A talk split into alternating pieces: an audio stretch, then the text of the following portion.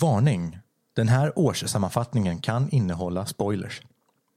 Ja, ni sitter ju där i varsin stol på era respektive kontor nu och eh, är i den här spännande årssammanfattningen av rollspelsdags. Eh, Hur känner ni nu eh, 2020? Vilket jävla skitår. Men eh, vilket toppenår för rollspelsdags, Eh, ja. tänker jag. Det, det är det. Ja, verkligen. Helt galet. Sa han entusiastiskt. ja, verkligen. Nej, men eh, det är väl superroligt. Fast. Tekniskt sett så är det ju vårt sämsta år vi någonsin har gjort också. Eftersom det är det enda året vi har gjort. Ja, fan det har du rätt i. Det har gått sådär. Ja, där försvann den peppen jag hade byggt upp. Ja, precis. Jättefint. Nej. Varför är du med i det här snacket nu igen, Samuel? Jag kommer inte ihåg.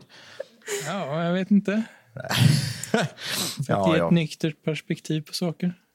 Lite så här uh, entusiastiskt så skrev vi ju faktiskt ut att vi ville höra om ni lyssnare har några frågor som ni skulle vilja ställa till oss eh, och förväntade oss kanske inte den hagelstorm av eh, frågor som har kommit. Så till den milda grad att vi insåg att vi får nog dela upp det här lite grann för att det blev så mycket. Så det var väldigt många Hindenburg-frågor som vi kommer nog de, många av de frågorna ber vi om ursäkt för. De kommer inte tas upp här. De kommer istället sparas till ett Hindenburg eftersnack. Och som ni kanske vid det här laget har börjat ana så börjar vi närmare, vi börjar närma oss slutet på den här Hindenburg-kampanjen. Ja. Spoiler. Men eh, det är nog bra. Det, Ja, de är alltjämt mer passivt aggressiva nördfrågorna som kommer nu för tiden eh, borde ju hinta lite om det om inte annat också. ja, lite så. Ja, vad tänker Lite du då? Vilken karaktär hade du önskat överlevde? Så, nåja. Vi kommer dela upp det lite grann. Vi kommer köra Lasers and Feelings-frågor. Sen kör vi lite Hindenburg, mest eh, runt omkring det. Och sen så kör vi lite chock. Jag kommer leda de här frågorna så svarar vi tillsammans. I och med att det är ganska många frågor så kommer vi hålla ganska så högt tempo för det mesta. Men det brukar vi säga och sen har vi en 30 avsnitts lång kampanj som bara handlar om alla frågor som vi har istället. Betyder Ja. det att vi inte behöver hålla koll på dokumentet med frågorna? Nej, det behöver ni väl inte. Om du inte har varit så här duktig och skrivit ner. Du har ju tittat. Vi har ju bett er att kolla på frågorna för att kunna ge lite mer genomtänkta svar. Jag har förberett mig. Ja, du ser. Ja, Sa Soja. men det skönt. Typiskt soja. Ah, nörd. Ska vi svara i in character också då eller? Nej, Ja, det blir för jobbigt. Byta karaktär för varje del. Vi har inte tid, för då kommer det bara vara massa jävla laxen-monologer som inte någon kommer få höra. Liksom, utan det är bara Jesaja själv som kommer att säga dem. Sen, för att underlätta för lyssnarna så kör vi inte i karaktär.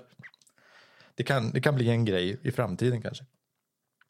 Okej, då, då tänker jag, då bara drar vi igång här lite grann. Ja. Vi har, I vissa fall så kommer jag säga vem som har skrivit frågan. För vi tycker det är ju sjukt kul om man vill, ja, om man ställer en fråga så tycker jag att man ska vara, bli hörd också. Men om det inte sägs något namn då har personen valt att vara anonym. Första frågan är, hur är fightsystemet jämfört med andra rollspel? Att skjuta med gevär, flexibilitet på att använda random saker i rummet eller hur karaktärernas stats påverkar fighten? Det är chock som vi om? åsyftas här nu va? jag, jag tror att personen menar chock, eller så kanske hon menar att vi ska...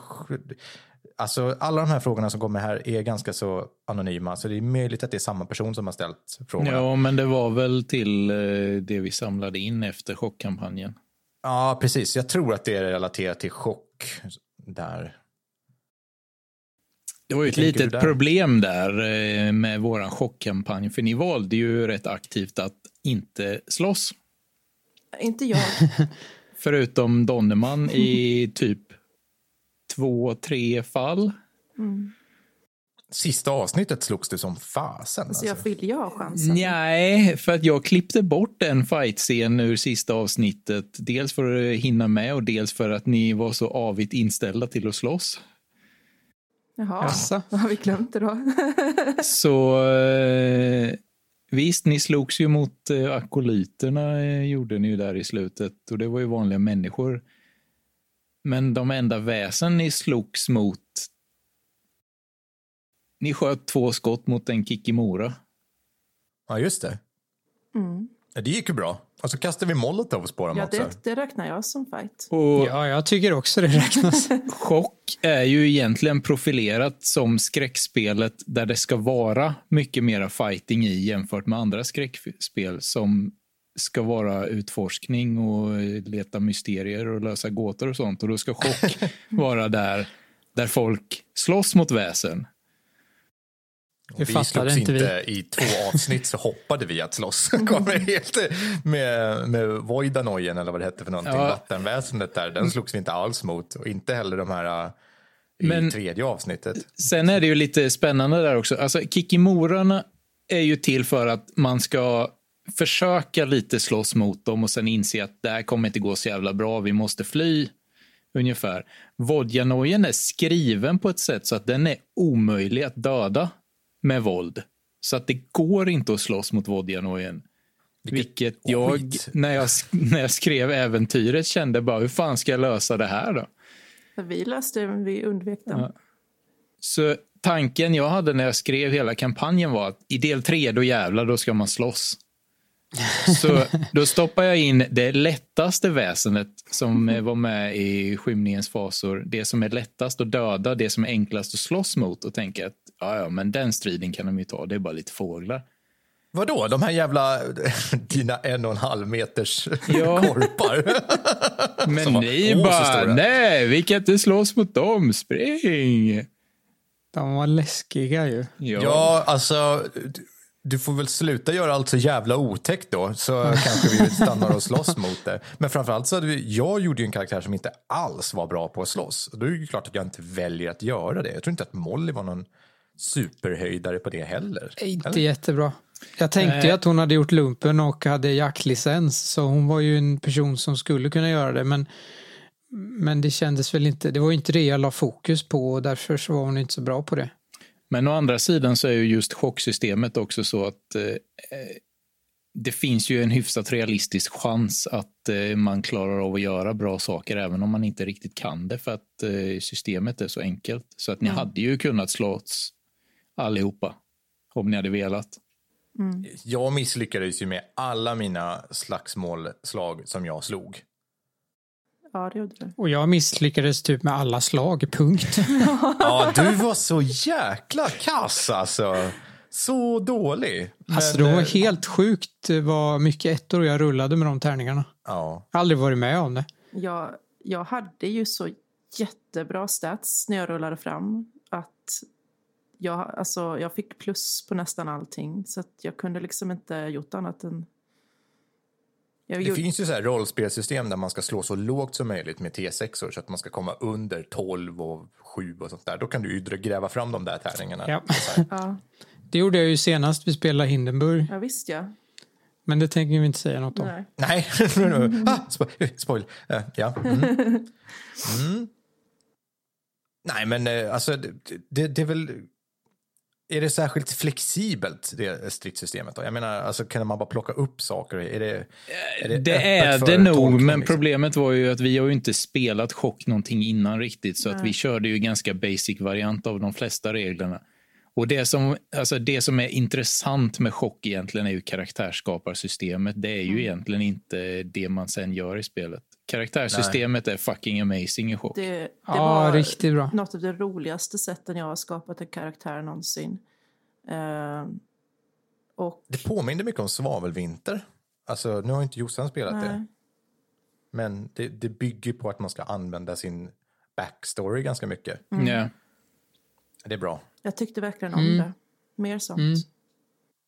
Hur kan man lyckas, nej, hur kan man påverka att lyckas med att hitta rätt saker, utföra handling för storyn jämfört med andra rollspel? Oj, vilken svår fråga. Eh, Jag förstår den inte riktigt.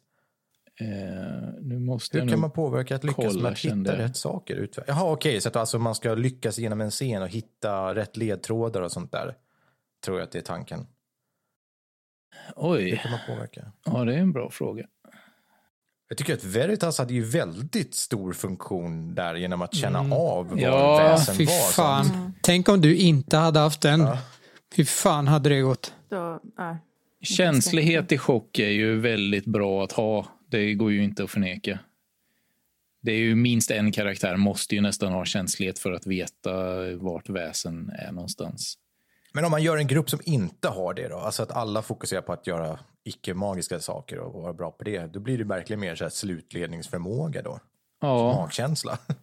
men sen är det, alltså, väsendena i chock är ju ganska mycket beskrivna för att de har ju ganska tydligt eh, modus operandi allihopa. Eh, och det står ju i reglerna hur man ska besegra dem och vad de gör och sånt där.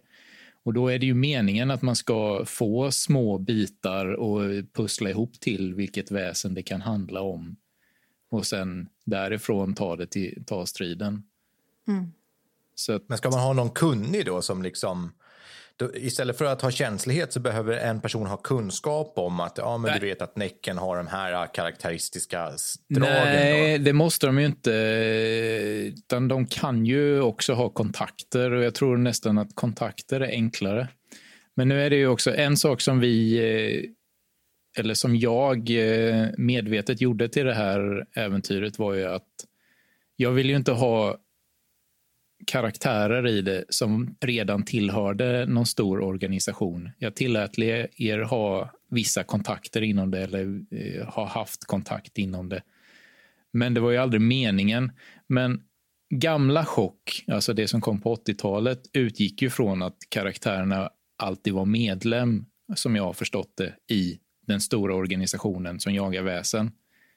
Ja. Och i nya chock så har Björn som har skrivit det har ju utökat det med fler organisationer som man kan tillhöra.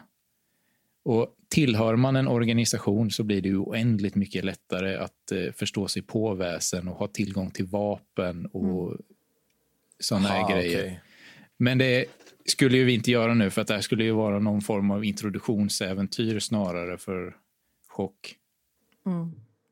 Och det var nog bra eftersom vi inte hade spelat chock innan vi andra också. Det blev ju introduktion för oss också. Ja, och det är också, väl- alltså, jag har ju en fortsättning på det planerat i huvudet. Om det någonsin skulle komma till det. Och i den fortsättningen så kommer ju karaktärerna tillhöra en organisation på riktigt. På ett helt Här annat fick sätt. vi ett svar på en annan fråga Ja, som precis. många har frågat om. Precis. Men man kan väl egentligen i korthet säga då att det, det finns verktyg i boken. Ja, det eh, finns massor med liksom- verktyg för att lösa problem. Om inte karaktärerna kan det själva så kan någon kontakt det och om inte någon kontakt kan det så lär det finnas i äventyret på något sätt. Jag vet att ett av introduktionsäventyren som är skrivna i boken så är rollpersonerna omedvetna från början så att de vet inte ens om att väsen existerar. Oj. Eh, Men det löser de ändå på något snyggt sätt genom att eh, de kommer direkt i kontakt med en person som jagar vampyrer i tunnelbanan. Och sånt där. Spännande. Hur lätt är det att dö eller ta permanent skada i chock jämfört med andra rollspel? Där får du nog svara Samuel, för att så där mycket skada tog vi nog aldrig. Nej, men det var ju för att ni eh, hellre flydde än illa fäktade hade ni illa fäktat så hade ni nog kunnat dö relativt snabbt, misstänker jag. Och en sak jag reagerar på är att det är mycket lättare för att människor dör än för att väsen dör. Väsen är skitsvåra att ta död på. Nästan allihopa. Eh, men det är inte jättesvårt att dö, är det inte. Jag kommer ihåg att Veritas tog skada från någon kråka där i tredje avsnittet och förlorade mer än hälften av sitt HP i en attack. Eh, Och de är ganska svaga, de väsena som sagt. så, och då- det, det var ganska otäckt och kanske lite av en bidragande orsak till att man försökte undvika strider också. Ja. Alltså, nu var jag ganska snäll med kikimororna. Kikimororna hade ju kunnat döda er allihopa utan problem eh, om de hade fått möjlighet till det. Ja, men det var väl snällt. Avsnitt ett och allt. Det är väl så kort kampanj. Suttit i typ dagar och gjort karaktärer, dör i första avsnittet allihopa. Sen är det väl samma sak med killen i den lila kostymen, men eh, han är lite speciell så honom ska vi inte ta upp. Nej, honom har vi ignorerat hela tiden ändå. Jag tycker inte prata om honom. Jag vet inte. Vem, jokern som är ute och går liksom. Eh, en fråga till här. Hur kan brödraskapet och Israel slåss mot monster utan att världen vet om det eller att en hel by försvinner? är det något förskrivet material det, det är inspirerat ifrån? Mm. Lägger jag armarna i kors här. Ja, Svammel, svara på den frågan. Okej, okay. först och främst syskonskapet. Har vi. Ja. Eh, nu ska vi se. När det kommer till Fredriksberg så är ju den en lite modifierad version av det riktiga samhället som finns. För att Fredriksberg finns ju mm. på riktigt. Men Kikimoror gör det inte, eller? Nej, inte vad jag vet. Nej, eh, nej. Men samhället i sig är ju jävligt litet. Alltså, det är ju bara ett par hundra personer som bor där. Och det ligger inte jättenära andra ställen. Och det innehåller inte jättemånga alltså företag eller så. Så att det är inte helt orimligt att det samhället bara skulle kunna försvinna utan att någon skulle reagera på det på åtminstone ett par dagar, tänkte jag. Alltså det här ska alltså ha varit ganska nyligen då som det här har hänt? Ja, alltså syskonskapet började ju dra igång hela den här verksamheten ganska nyligen och sen lyckades Monsterdags pricka in att eh, följa den ganska samtidigt. Kom ihåg att det var färska lime i kylskåpet i puben. Ja, just det. Så att det, det hade jag. ju inte gått jättelång tid eh, tills alla hade blivit Kikimora jag måste bara släppa ut en katt.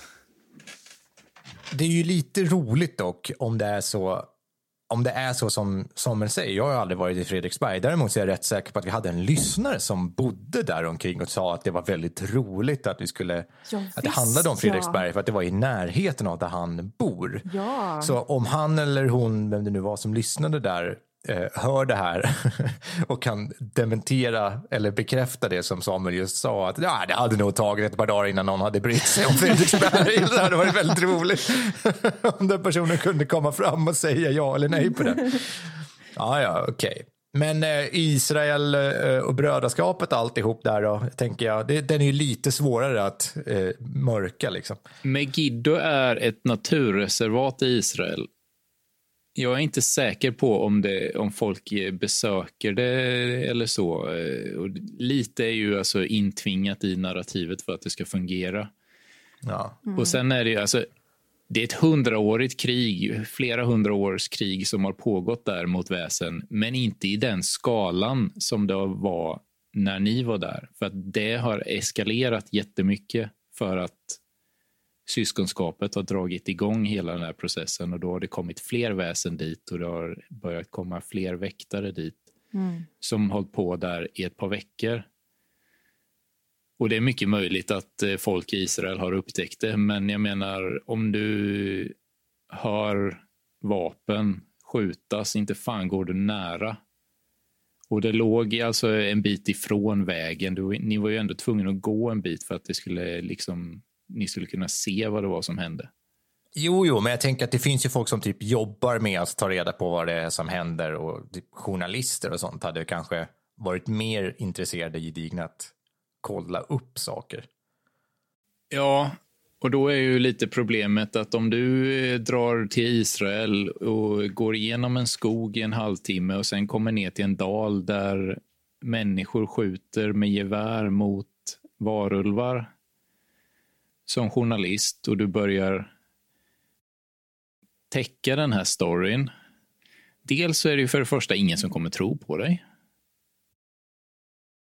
Och dessutom så ska du komma därifrån levande och kunna berätta om det. Och det var ju, alltså, det var ju väsen överallt och det var ju nattramnar som flög över hela himlen. Så det krävs ju en del för att ta sig dit ta reda på vad det är som händer och sen ta sig därifrån igen oupptäckt. Dessutom låter det som att eh, SL är lite extra elak mot eh, påhittade journalister som tar sig dit. alltså, för vi bara gick rakt in där och gick ner i någon jävla grotta. Jag tycker, utan det, var, jag tycker det ja. var ett eh, bra svar. Så jag vill ja. minnas att ni slog rätt bra på era smygaslag när ni smög genom skogen. Nej, vi var ju skitdåliga. Vi slog ju pissrövdåligt när vi skulle smyga dit. Ju. Typ Gjorde ni det? Ja, Molly vi... smög ju som ett arsel. Men vi hade alltså... ju talismanerna. Ja, ja det, de kan vi rättkonna till att de ja. gjorde bra saker där.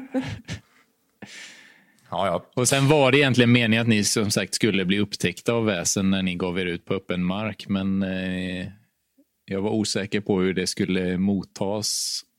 Att det skulle komma en stridsscen där. För att ni hade ju inte försökt slåss om jag hade känt era karaktärer rätt. Och det hade blivit jävligt konstigt. Och jag ville inte riktigt att ni skulle dö så nära slutet. Nej, det kan man ju förstå. Jag ville ju att ni skulle dö i slutet. Slut. Så vi dör exakt när det är slut istället. Ja. Framför mållinjen liksom. Uh, Joel har skrivit en fråga. Han skriver, hur kände ni för chockkampanjen ur både spelledare och spelarperspektiv?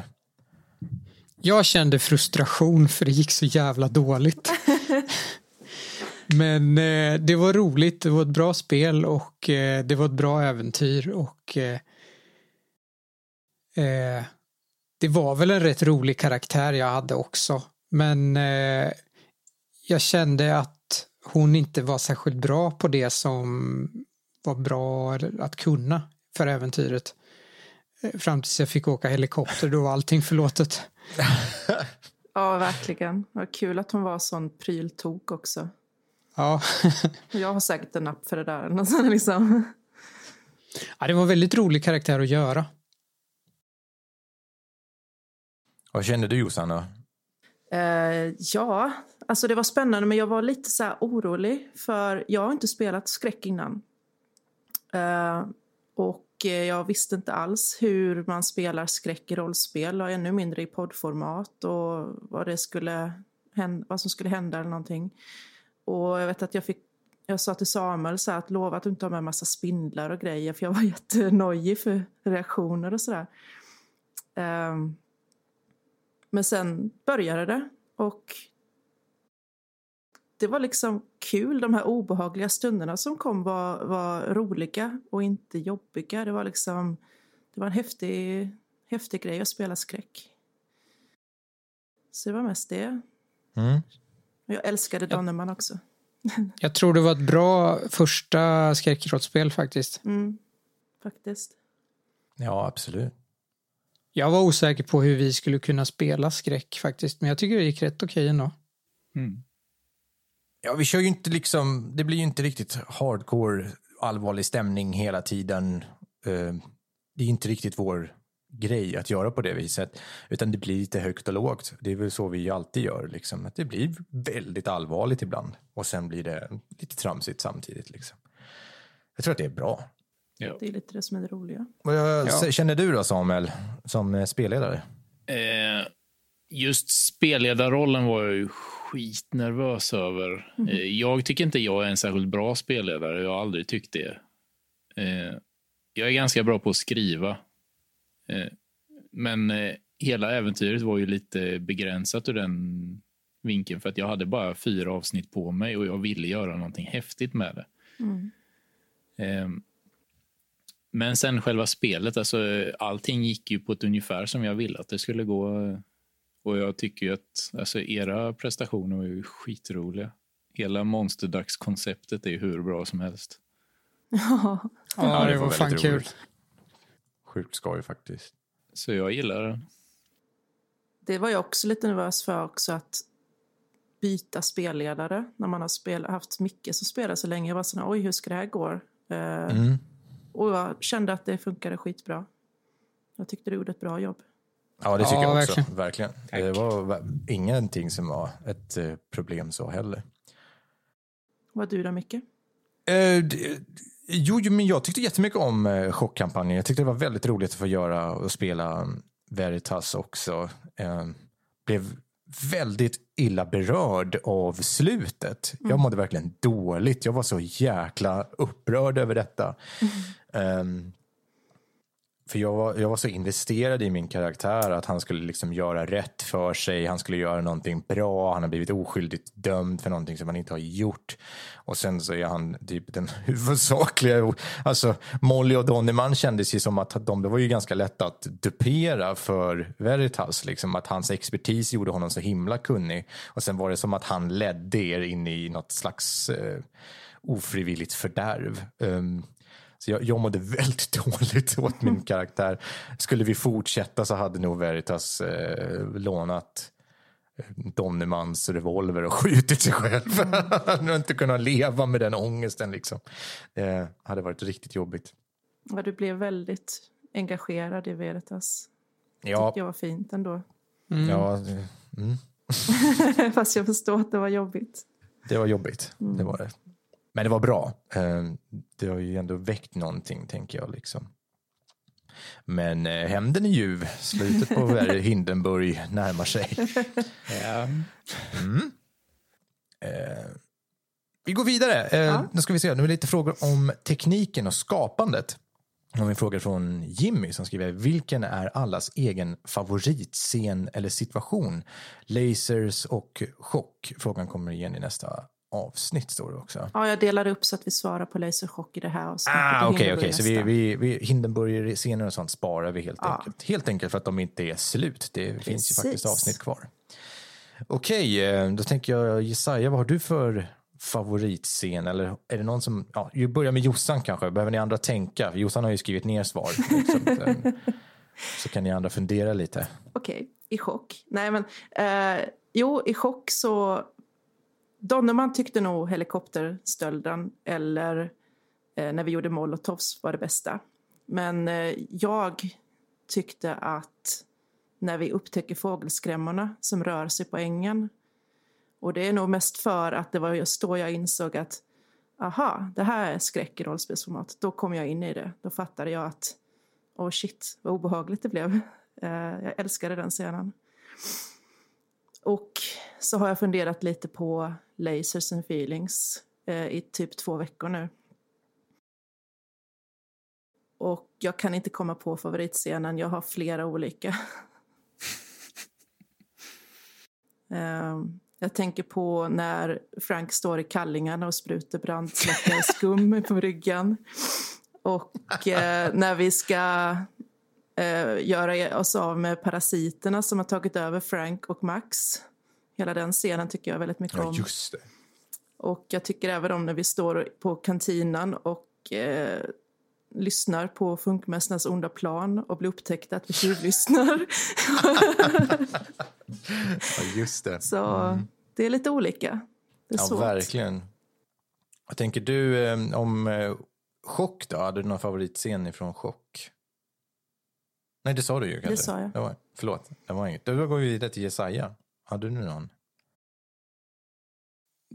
I, I chock så slutet på tredje avsnittet eh, precis innan vi stjäl helikoptern där hade jag sån jävla puls. ja, verkligen. Alltså det det var svettigt. Eh, det, det är favoritscenen för det var, där blev det så jävla spännande. Mm, det var det. Det var ju så ballt också att vi hade en setup där det skulle funka. I andra fall så hade man troligtvis kanske inte haft någon som var helikopterpilot. Liksom. Ja. Men det kändes inte, det kändes som att vi kom på det själva. Att det var en lösning liksom. När mm. Veritas mm. säger kan du flyga en sån där? Det, det, det kändes jäkligt nice. Mm. Liksom, Och det var inte självklart heller att Nej. låta bilen stå parkerad utanför där. Det var jobbigt för Molly. Men ja. eh, det, det, var fan den bästa scenen i hela den kampanjen tycker jag. Sen så nu när jag lyssnat på det efteråt så, så tycker jag nog att Fredriksberg som avsnitt eh, är jävligt spännande. Mm.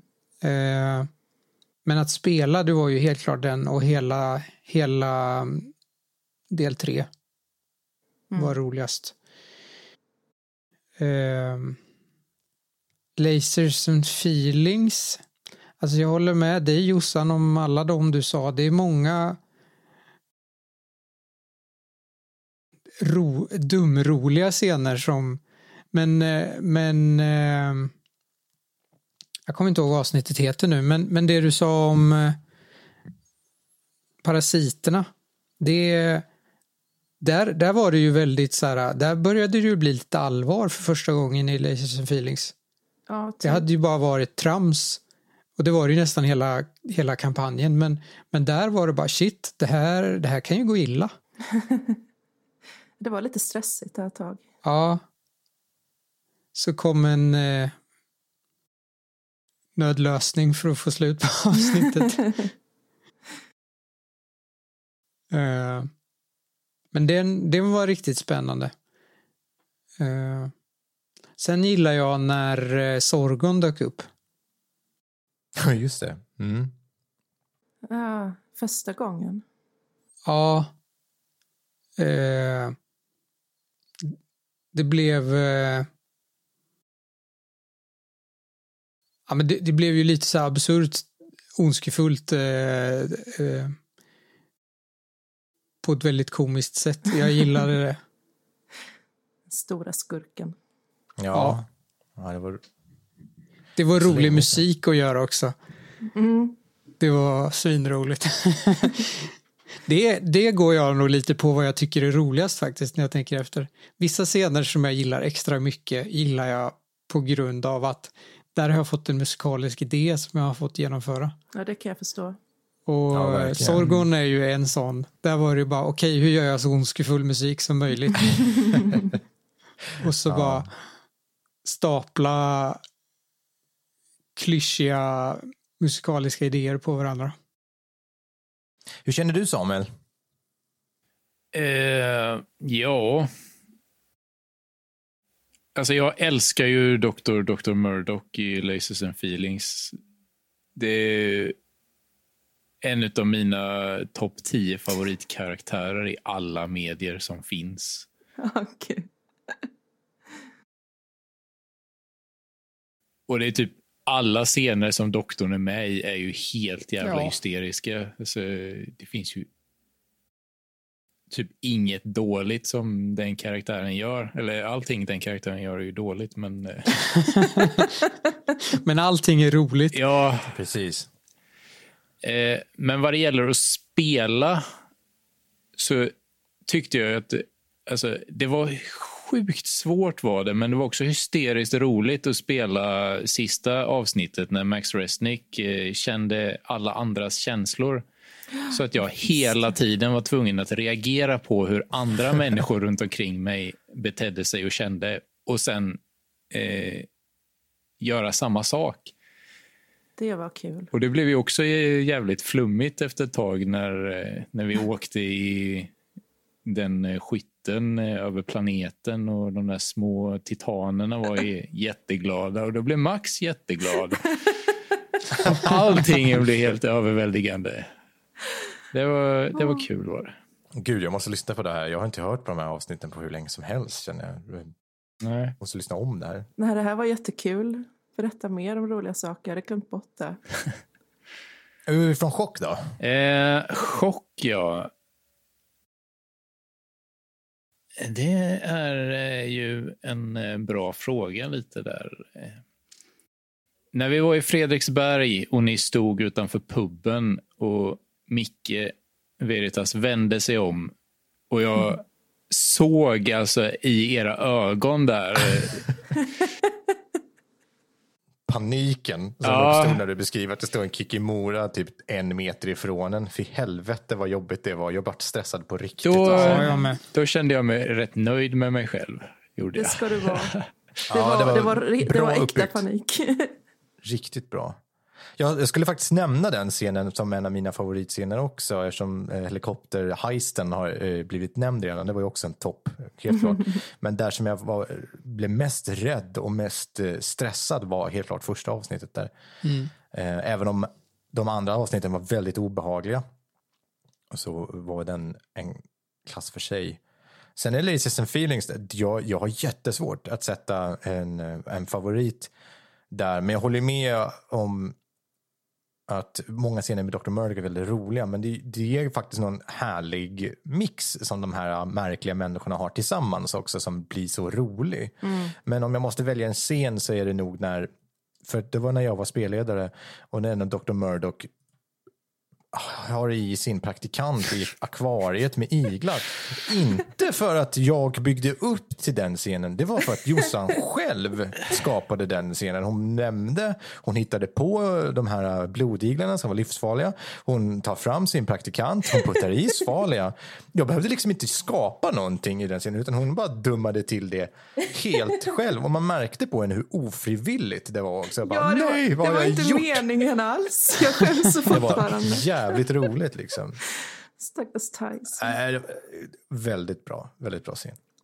Ja. Jag har nog inte skrattat så mycket någonsin. Grät.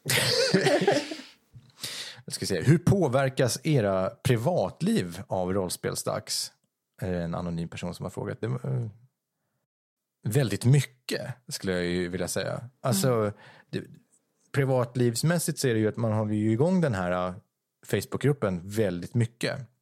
Man lägger ner väldigt mycket tid på man svarar på frågor och, och fixa med, jag, klippa, skapa musik, diskutera vad vi ska göra för någonting. Det, det är väldigt mycket fritid som går åt diskussionsmässigt också vad vi ska göra för någonting. Oj. Um, jag tänkte också... på det idag faktiskt. Eh, I och med corona så har man inte kunnat träffa folk och inte kunnat göra någonting. Eh, så för mig så har det ju funnits en massa tid att lägga på podden som kanske inte hade funnits annars. Mm. Eh, för att det hade varit en massa andra saker som hänt. Mm. Eh, så jag har ju kunnat lägga väldigt, väldigt mycket tid på podden. Ja, det, det, går, det är lite frågor som går in i varandra. Hur mycket tid ni får lägga på ett avsnitt i nästa fråga. Så att eh, vi, vi kanske ska eh, köra ihop de här lite grann. Um, ehm, hur mycket tid får ni lägga på ett avsnitt? Det, det är ganska så extensivt. Om vi, jag brukar snitta på att om vi spelar in vi har ju sittningar en gång i taget där vi spelar in ett avsnitt, då är det en sittning. Um, om det inte skulle vara att det är ett väldigt långt, en väldigt lång sittning, men än så länge har vi inte delat upp det.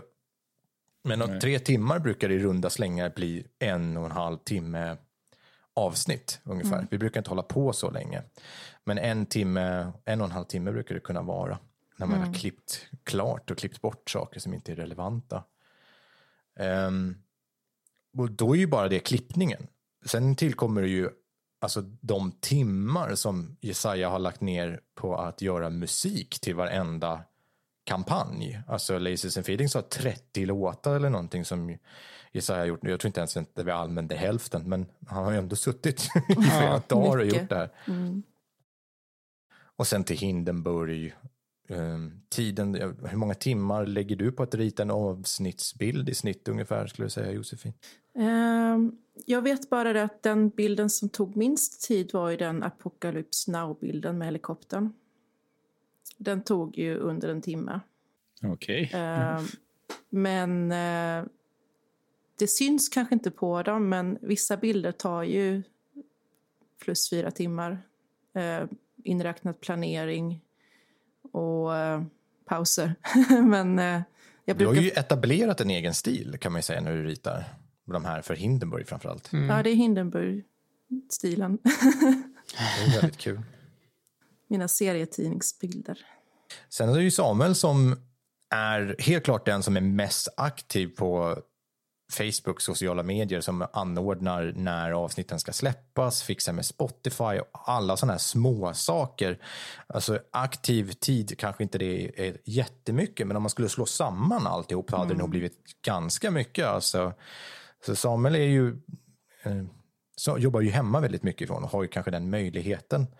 Men mm, det är mycket micromanagement där tror jag som läggs ner tid också på. Jag tror väl alla... nog att det är en timme om dagen i snitt i alla fall. Ja. Och sen det... lägger jag väl en timme på att skriva avsnittstexten också. Precis, jag tänkte precis på dem. Ja, just det. Ja, det är lätt att man glömmer bort någonting. Så vi gör väldigt mycket. Så våra privatliv kan man väl säga påverkas väldigt mycket av de, här sakerna. För vi lägger ju undan en hel del tid varje vecka på att göra de här sakerna.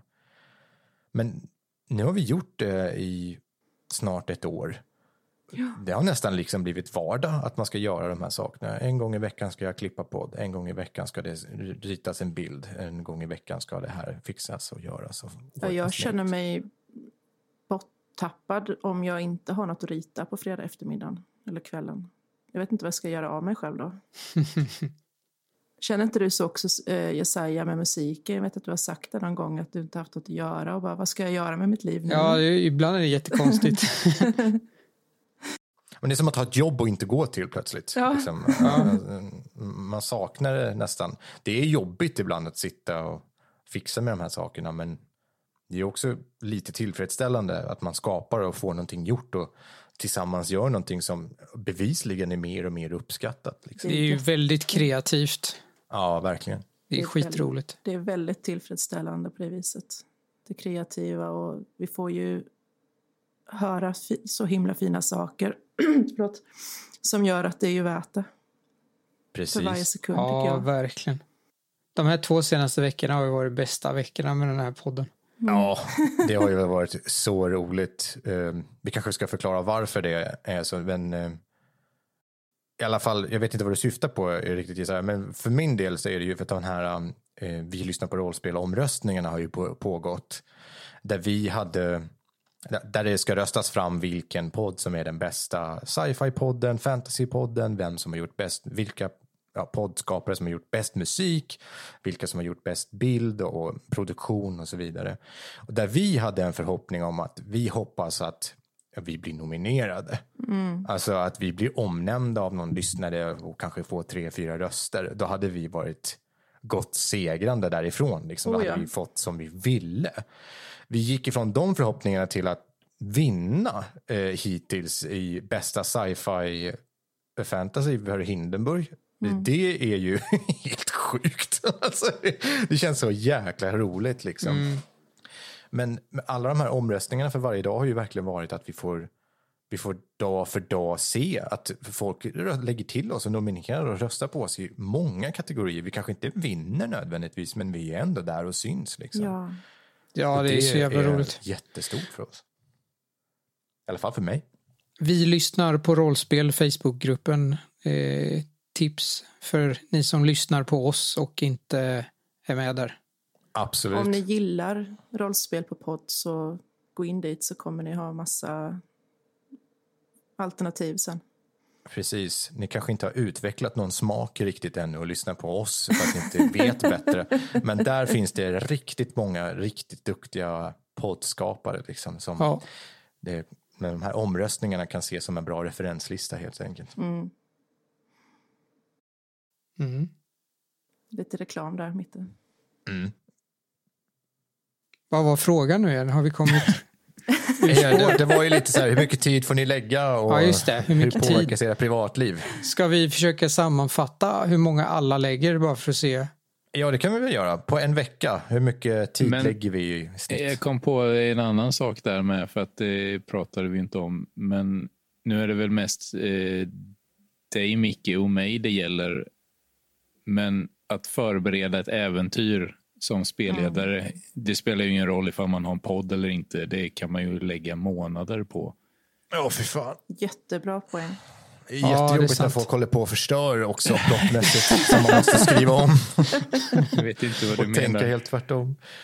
Ehm, ja, det har jag ju inte räknat in. Det ingår väl, um, kanske inte nödvändigtvis varje vecka, men det ingår ganska ofta i mina vardagar också.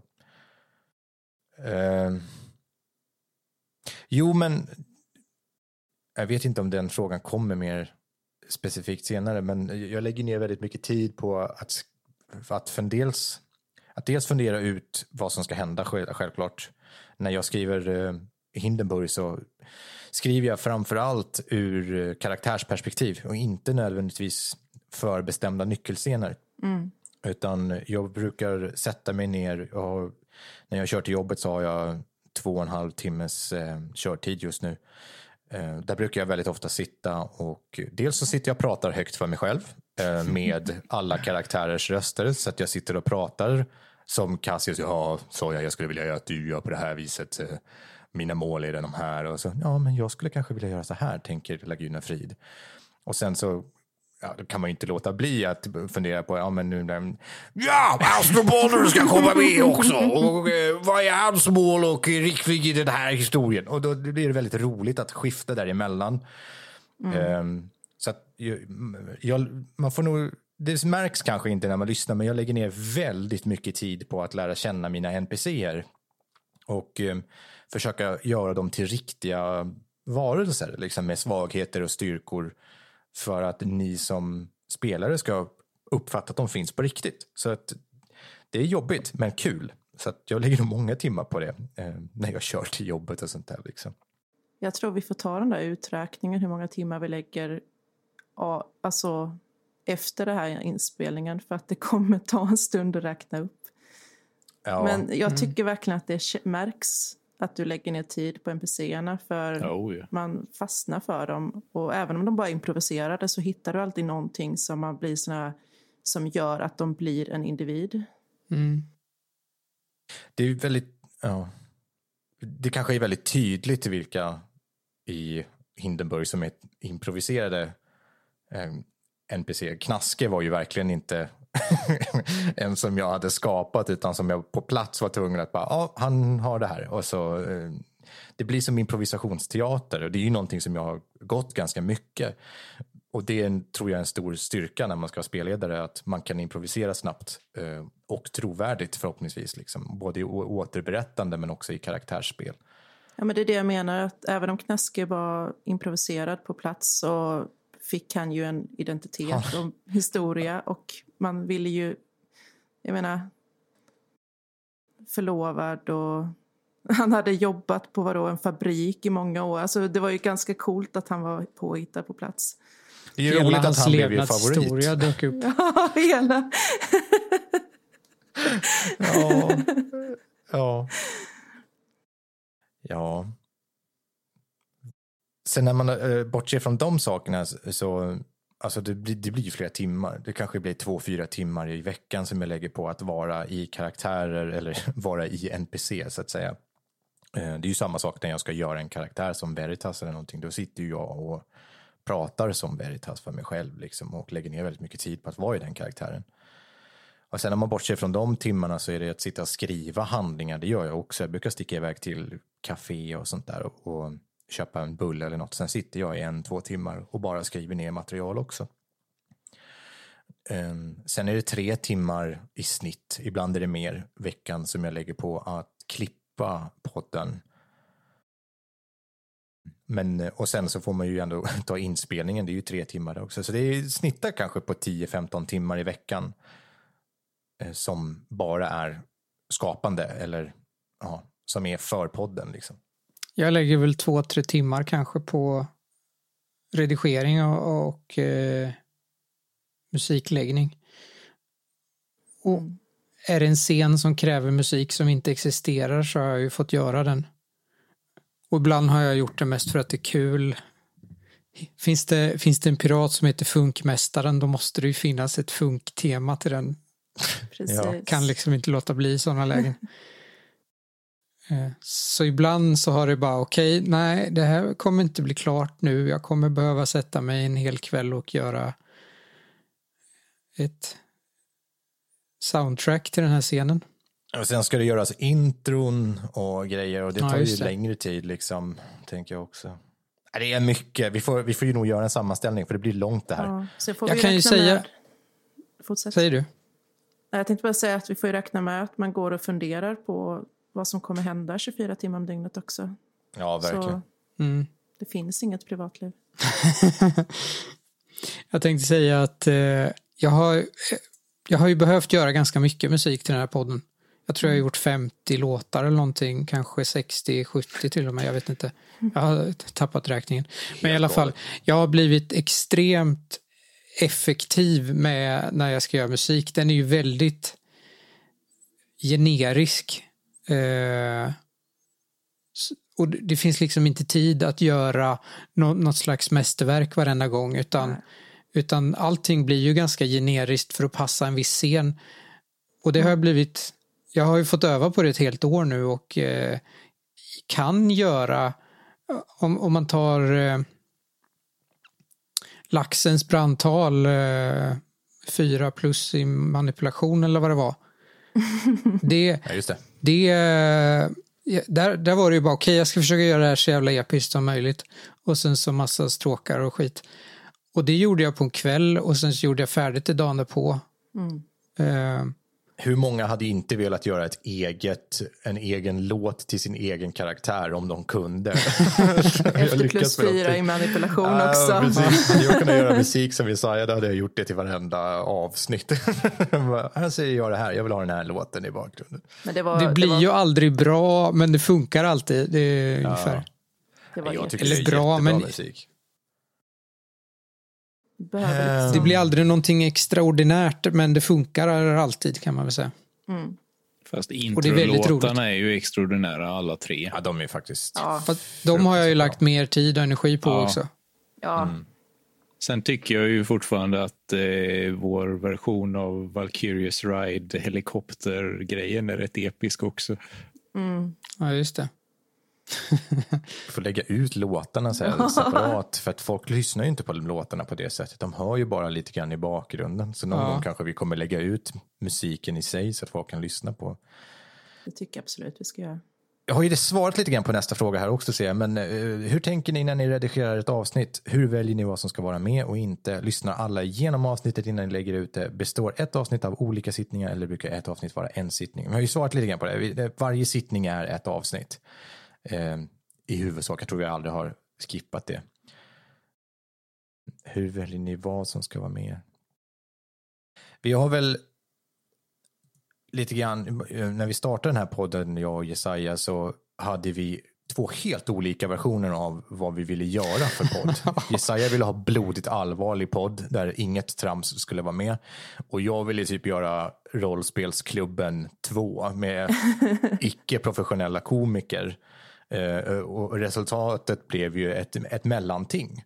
Där, där vi har väldigt stort allvar i vissa scener och faktiskt tillåter oss att skämta och skratta när det är kul. Men framför allt, vi låter ju bara det som är roligt vara kvar som lyssnarna kan skratta åt, där man är med. Så att vi inte sitter och drar ett internskämt eller någonting sånt som bara vi fyra förstår, utan det ska vara att lyssnaren, lyssnaren är med hela tiden. Har ju tanken varit och i så Ja. fall får det vara kvar. Vi hoppas ju på att det funkar, att folk upplever det så i alla fall. Det känns som det. Ja, precis. Sen klipper jag bort jättemycket tystnader, eh, betänketid, eh, harklingar, hostningar, när folk dunkar till mikrofonen. Alltså, det är mycket skit som ni inte behöver höra. Ehm, och det blir mer tempo, det blir snabbare, det blir bättre ljudkvalitet och jag tror hela upplevelsen av ett avsnitt blir generellt bättre. Sen så för, finslipas ju ljudet sen i Jesajas redigering också. Jag Men kan ju jag säga gör- det då. jag, jag tycker ju ibland att Micke har lämnat saker som, som jag tycker inte borde vara där. Så jag, jag tar ibland bort saker som, eh, som jag tycker är onödigt. Eh, eller som kanske Micke missat. Det är ju inte säkert att det ska, skulle vara där. Eh, Nej. men, men om det är någonting jag reagerar på så klipper jag bort det också. Eh, eller ändrar på någonting. Eh, ibland kanske jag tycker det är en för kort paus mellan. Det är nästan vanligast. Att, att någonting kommer för tätt inpå. Så drar jag ut lite så att det finns en liten andningspaus mellan i en dialog exempelvis. Eh, så vi är ju två som som fixar ganska mycket med det och lyssnar ganska mycket på det. Och sen så lyssnar ju ni andra också. Är det någonting ni reagerar på så skickar ju ni det tillbaks till oss. Precis. Precis, jag och Samuel har ju uppdraget att eh, lyssna igenom när det är klippt och eh, när ljudet är lagt på och sådär så att det ska godkännas innan publicering. Mm. Så att, ja, vi lyssnar på det. Eh, alla lyssnar inte igenom det. Efter att man har klippt i hela avsnittet så hatar man allihopa eh, i podden och vill inte höra någon av er efter ett tag. För man, man stör sig på så mycket små grejer som folk säger och gör hela tiden. Jag, har- jag har nog inte lyssnat på ett avsnitt som vi själva har gjort på hur länge som helst, vilket ofta blir lite roligt för när jag sitter och bara, vad fasen, den här musiken är ju skitbra, då har jag liksom missat det. Det var typ tio avsnitt sen vi släppte det eller någonting och sen såg jag efteråt att den här musiken passar ju inte alls här. Varför? Ja. Så att, eh, ja, man, man, man blir lite mätt på sig själv också, får man väl ändå säga. Eh, ja, vi går vidare. Hur får ni ihop vissa saker till avsnitten? Exempelvis i början på avsnitt fyra i chock så börjar avsnittet mer radio. Hur fick ni till det? Eller i ett annat avsnitt skriker alla spring samtidigt. Är det saker ni kommer på i efterhand och fixar ihop, skriver en anonym. Jag gissar ju att när vi alla skriker, när alla skriker på samma gång så är det nog för att det faktiskt var så att vi fick panik och skrek samtidigt. När var jag det? I chock första avsnittet så eh, säger vi att vi ska springa. Eh, där har jag klippt ihop det. Vi, vi, vi säger spring vid helt olika tillfällen, men jag klipper ihop det så att det blir samtidigt bara för att det blir coolare så. Annars, annars blir det spring, spring, spring. Och så Ja, blir det bara. Mm. konstigt att man ska lyssna på det. Liksom. Eh, avsnittet börjar med radio. Det är Alltså, personen eh, du tänker på podden. Det är radio, eller, ja, radioinslaget eh, med min Bengt Malmbergs grej. Ja, just det. Ja, visst, ja. Eh, Bengt Magnusson. Bengt Magnusson heter han, ja. Bengt Malmberg. person. Men Jag var ju tvungen att göra en radiojingel där. Har aldrig gjort en radiojingel någonsin och har ingen aning om hur fan man gör. Så Det var så jävla dumt. Varför tog vi inte bara SV, eh, alltså SR? Vi kunde ha tagit nej, fan man kan inte. Jo, det kan man väl göra. Det är public service. Betala skatt för att föra den Jag tror inte att det är någon fara. Jag vet inte, men Ja. eh, eh, jag fick eh, utmana mig själv och sen så göra någonting som lät jingligt. Men la du på något filter och grejer på Samuel då så att hans röst skulle låta lite mer alltså, det gjorde jag ju själv. Jag, Det var du som gjorde det? Jag, alltså, jag skrev ner hela radioinslaget och sen läste jag upp det och sen så eh, drog jag ju bort lite bas och lite diskant så att det blir den, eh, den radioeffekten på det. Sen så tror jag, jag drog ner tempot på det lite med en sån pitch correct så att det blev lite långsammare och sen läste jag ju den med min extremt dåliga Bengt Magnusson-röst. Jag Är är, det i inte... Audacity du gjorde det? Ja. Nej, det gjorde jag nog i... Re... Jo, nej, jag gjorde det i Reaper. Gjorde. Det var därför Jaha. mitt ljudkort strulade så mycket då, för att jag använde Reaper en massa de veckorna. Eh, och det fuckade med min dator. Så det var därför jag hade ljudproblem när vi spelade in Chock. Och var tvungen att Aha. återställa grejer för varje spelning. Åh fan. Jag har också tagit bort eh, bas eh, för att göra det ännu mer radioröstigt sen. Mm. Häftigt. Ja, jag tror jag hoppas att det svarar på eh, frågan. Eh, Jimmy har en fråga till här.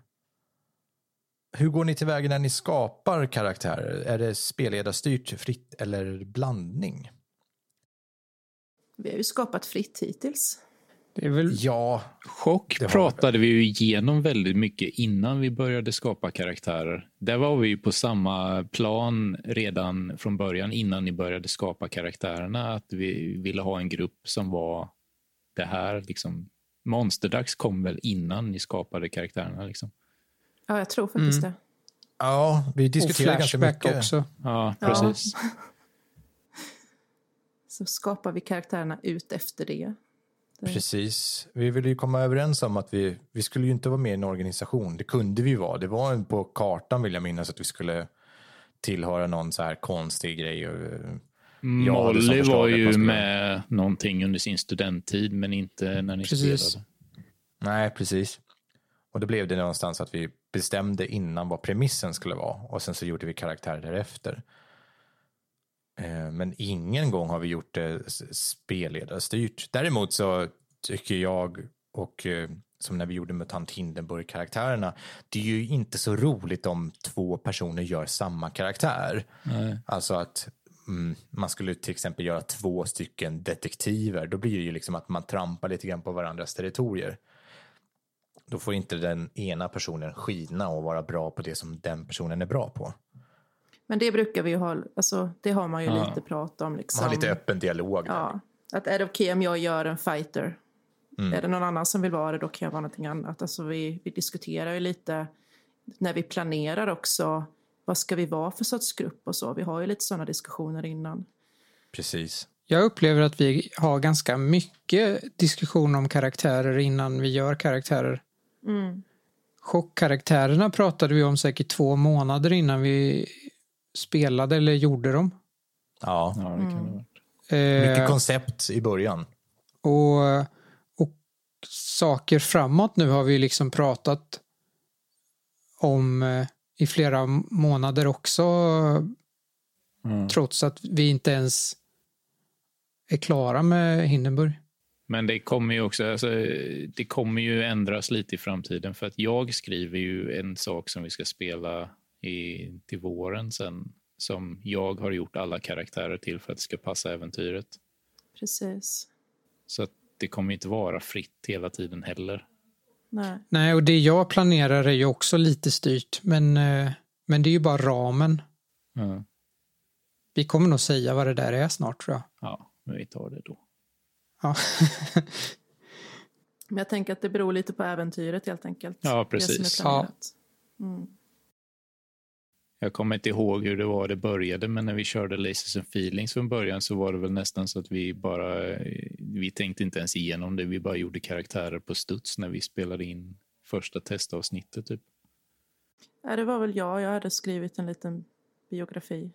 Men ja, det är ju... Ja, men eh, vi, det var individu- individuellt då. Alltså, Ja, precis. Vi hade ju inte diskuterat någonting om eh, besättningen, vem som skulle göra vad eller vad vi ville ha eller någonting sånt. Utan, Nej, precis. Det för var jag, helt... jag eh, hade ju också en egen idé om vad jag ville göra till Laces and Feelings som jag inte hade sagt till er förrän vi faktiskt gjorde karaktärerna. Men det tycker jag märks när vi berättar om karaktärerna första gången. Alla är sådana här, jaha, okej. För vi har ingen aning om vad den andra ska spela. Så det är jättekul faktiskt. Kanske Men är- därför vi alla andra gånger har varit superplanerade. Fast sen när vi gjorde Hindenburg gjorde jag ju tre karaktärer också till en början. Gjorde du det? Eller Va? jag gjorde inte tre karaktärer, men jag hade tre karaktärsidéer i huvudet. Jaha. Mm. Eh, Ja, Två det. av dem har jag ju spelat. Kanske Ja. en tredje, vi får se. Nej, nej, sluta nu. Jag blir livrädd. Kanske får nytta av den tredje snart. Nästa fråga. Nej, men... Eh, ja. Nå, vi kör vidare.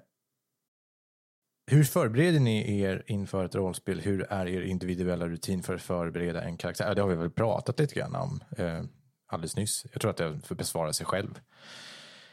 Vi diskuterar lite grann eh, vad vi kommer ha för setting, vad vi kommer ha för gruppdynamik lite grann så att inte någon gör en jättestor elak jävel som inte kommer funka med gruppen riktigt och så vidare. Men eh, så att man inte har gjort helt olika Alltså man går in i, i rollspelet med ungefär samma bild av vad det är som ska hända. Eh, och sen så skapar man karaktärer därefter. Jag tolkade den frågan mer som hur vi förbereder innan vi börjar spela. Jag med. Alltså Jaha. inför varje sittning. Ja, jag precis. tänkte, där har vi ju våra Det tolkar inte rutiner. jag alls, men ja, det kan vi också besvara. Hur, hur gör ni det? Ja, jag går på toaletten, fyller två flaskor vatten och sen så plockar jag fram mina papper och kopplar in mitt ljudkort. Eh, jag plockar ner routern från väggen för att den är i rummet bredvid. När jag stänger dörren eh, in till rummet där jag spelar så måste jag ha routern på insidan för annars så bryts uppkopplingen märkte vi i något Laces and Feelings avsnitt. Det, det, det var det autistiska svaret. Eh, Jag gör ungefär samma sak fast jag har ingen router och jag behöver bära in två madrasser i rummet för att dämpa akustiken. Eh, ja, jag, nej, jag vet inte. Jag gör inte så mycket. Jag bara går och tänker väldigt mycket på... Nu är jag spelledare i och för sig. Så att, som sagt, jag går in i karaktärerna och NPCerna och funderar på hur jag ska beskriva saker som kan dyka upp. Ja, jag typ tar ju någon halvtimme innan jag börjar förbereda mig. Tänka typ vad som hände sist. Hur Soja har tänkt på någonting som hände sen sist och så vidare. Och sen så, ja. Ja, det är väldigt sällan jag ens hinner med att tänka igenom vad som hände sist, kom jag på nu. Ja, just det. Det går Jag lever på att ni gör recap för mig ungefär. Ja, precis. Jag tycker en viktig förberedelse också är den här minuten innan vi börjar spela. Som är tyst. Ja, vår 30 heliga. sekunder. Eh, ja. Vi har ju ett 30 sekunders tystnad precis innan vi börjar dra igång. Ja. Det brukar börjar- bli en minut. Det är du som gör den till en minut. Jag kör nästan alltid på 30 sekunder. Alltså, Ja. Sen är en annan del av den ritualen är ju att Jesaja måste räkna ner på ett visst sätt. Han får inte byta ner, nedräkningssätt för då kommer vi alla tappa det. Liksom. Så att- Nej, till och med nu när vi gör eftersnack eller sammanfattningen så höll han i en boll som han aldrig har hållit i. För det Ja, det mig var som jättejobbigt. Fan. Varför gjorde han det? Liksom? Ja, jag kommer av mig lite grann, så jag vet inte varför. Men vi skaffar, man skaffar ju rutiner, så är det ju verkligen. Ja. Alltså. ja. men det blir lite som en ritual känner jag att sitta tyst den här eh, eh, tiden och eh, djupandas och eh, känna in hur är det med laxen just nu. ja, precis. En sak som ni inte vet om att jag gör. Okej. Det här kommer låta det här är perverst. Ja, Eh, när vi sitter under antingen under förberedelser, alltså försnacket eller under den där 30 sekunders tystnaden eh, så brukar jag ta en eh, printscreen på våran eh, Zoom-meeting. Va? Ja, Varför? jag tänkte jag skulle klippa ihop det till en, en eh, GIF sen eh, som en sån här eh, en bild om dagen i 300 dagar-grej. Gud vad roligt. Jesus. Ja, jättekul. För många gånger har inte jag suttit i en pingvindräkt när vi har spelat in. Japp. Så Jag, jag sitter och har... blundar. Jag har Fuck eh, you. 49 screenshots sparade här i min rollspelsdagsmapp som är Oj. redo att bli en eh, GIF. Jävlar. Är det så många? Nej, jag har tagit fler ibland. För att ibland så har jag tagit en bild och sen så några minuter efteråt så är det någon som gör någonting skitroligt och då måste jag printscreena det också. Gud vad spännande. Det ska bli kul Ja. att se. Jag är nästan lite nervös för det här nu. Det är du som har konstigast kläder på dig. Jag har pingvindräkt, men du har ju så här konstiga mössor och hattar och allt. Men är det därför du tar på dig en massa konstiga grejer? För att du ska se rolig ut på alla dina bilder? Ibland. Fotobombar här. Ja, ja. Ja, då får vi lära oss nytt. Ja. Ja. Okej. Så om ni ser mig göra en konstig pose eller någonting i kameran, då kan ni nästan räkna med att jag är på väg att ta ett kort. Nu kommer ju ögonen enbart vara på Samuel när vi har vår tysta minut i Ja, framtiden. Det kommer vara svårt att fokusera efter nu, ja. Mm, Det... Vi går vidare till nästa fråga. Eh, har corona påverkat er på något sätt? Skriver en anonym person. Alltså, Inte inspelningsmässigt. jag vill ju inte vara den som är den, men tekniskt sett så har ju corona påverkat oss positivt. Bara positivt, medan alla andra stora rollspelspoddar lägger ner produktionen för att de inte kan ses i fysisk form så har vi ju rest oss upp som någon fågel Fenix ur eh, skapandet ur den här sketna corona. Eh, 2020 är coronas år och rollspelsdags, eh, helt klart. Vi kom samtidigt ungefär. Eh, eh, Ja, fan det är sant. vi, vi är lika gamla som corona nästan, nästan på dagen alltså. I Sverige i alla fall. Första... Ja, ja precis. I, i, i, Det är månadsskiftet februari-mars tror jag första svenska fallet eh, kom och jag tror det är typ andra mars eller något sånt här som vi... Vi börjar väl tidigare, vill jag minnas. Ja, ja, men som vi postade ett avsnitt. Ja, precis. Men vi Ja, började i februari. Jag postade första avsnittet 23 februari, för jag satt efter min födelsedag och pillade med Anchor och skulle förstå hur den fungerade. Sen slant med knappen lite och råkade posta det utan att fatta vad jag gjorde. Men då kanske det är skillnaden- början av mars som vi sa var så här officiellt eller någonting. Precis. Vi hade en officiell dag. Ja, det var väl typ när vi släppte avsnitt tre eller fyra. Precis. Ja. Va? Jaha, okej. Ja, Det var någon gång i april tror jag. Skillnaden är att Corona kommer det komma ett vaccin mot, inte mot oss. Vi kommer fortsätta. vi, eh, nej, det är faktiskt väldigt roligt. Det, om man ska vara krass så, så, så, tror jag nog att, att eh, corona har varit till vår fördel väldigt mycket. Ja. Alltså, Ja, men folk har varit hemma, folk har haft tid till att kunna lyssna på ja. oss. Andra poddar har inte kunnat spela lika mycket för att de inte spelar digitalt, så att vi har varit en av få som har funnits tillgängliga. Alla andra hobbys som jag har har det inte, har inte gått att utöva. Eh, så jag har fått lägga tid på podden istället och det har ju nästan blivit någon slags överlevnadsgrej det här. Det här har ju varit enda ljuspunkten det här jävla skitåret. Exakt. Och därför har det blivit ännu mer eh, lustfyllt att, att engagera sig i podden. Ja. Jag hoppas ju någonstans när corona släpper att du inte bara försvinner och slutar ljudredigera och slutar göra musik och alltihop för att du har plötsligt tid att göra dina hobbys. Ja men eh, det är jag lite orolig för också.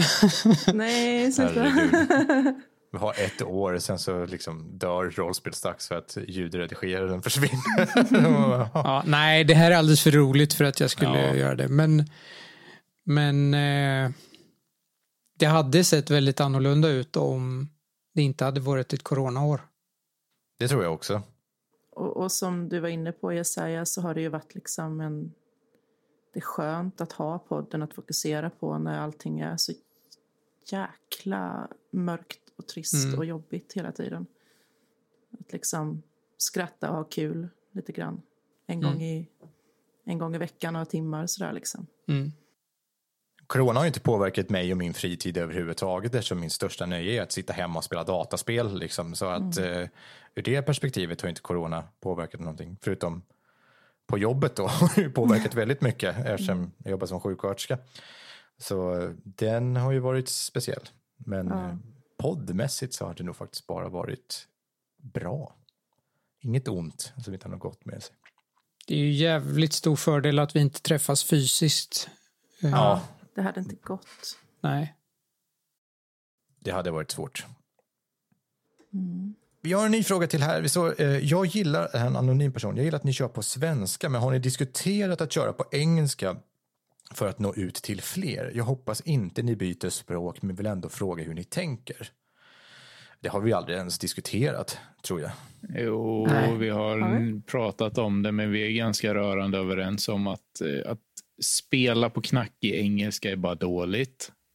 Mm. Ja. Sen är vi kanske antagligen inte så knackiga på engelska så att vi hade nog kunnat göra det bra, men det finns ingen anledning att spela det på engelska. Nej, jag, jag inte gillar det inte det heller. Nej. Nej, alltså, det hade inte känts naturligt. Nej. Och det hade känts obekvämt. Ja. Och svenska är ett fantastiskt språk. Det är värt att lyfta och det är jättevärt att ta ifrån engelska den konstiga makten den har att folk tycker att det är bättre på något sätt för att svenska är... Allting är coolare på engelska. Jag förstår inte riktigt Nej. den eh, Då har man inte hört Fluffys svordomar. det hade ju inte gått att översätta liksom. Det hade bara varit konstigt. Ja, nej, så att vi, vi lär nog inte spela in någonting på äh, engelska. Det, det är väl om vi skulle kanske gästa någon podd eller något ja, Jag har dem inte i huvudet nu. Top 1000 drums. Top 1000 drums. ja. You whipped uh, Laos, Lis, nej, Flea Poodle. Nej, Otroligt konstigt. Men, som sagt, vi ska inte prata engelska uppenbarligen. Fega ynkryggar, blir inte du typ cowardly cowards? jo, cowardly, cowards tror jag att det är. Ja, ja det har i och för sig varit lite ja. roligt.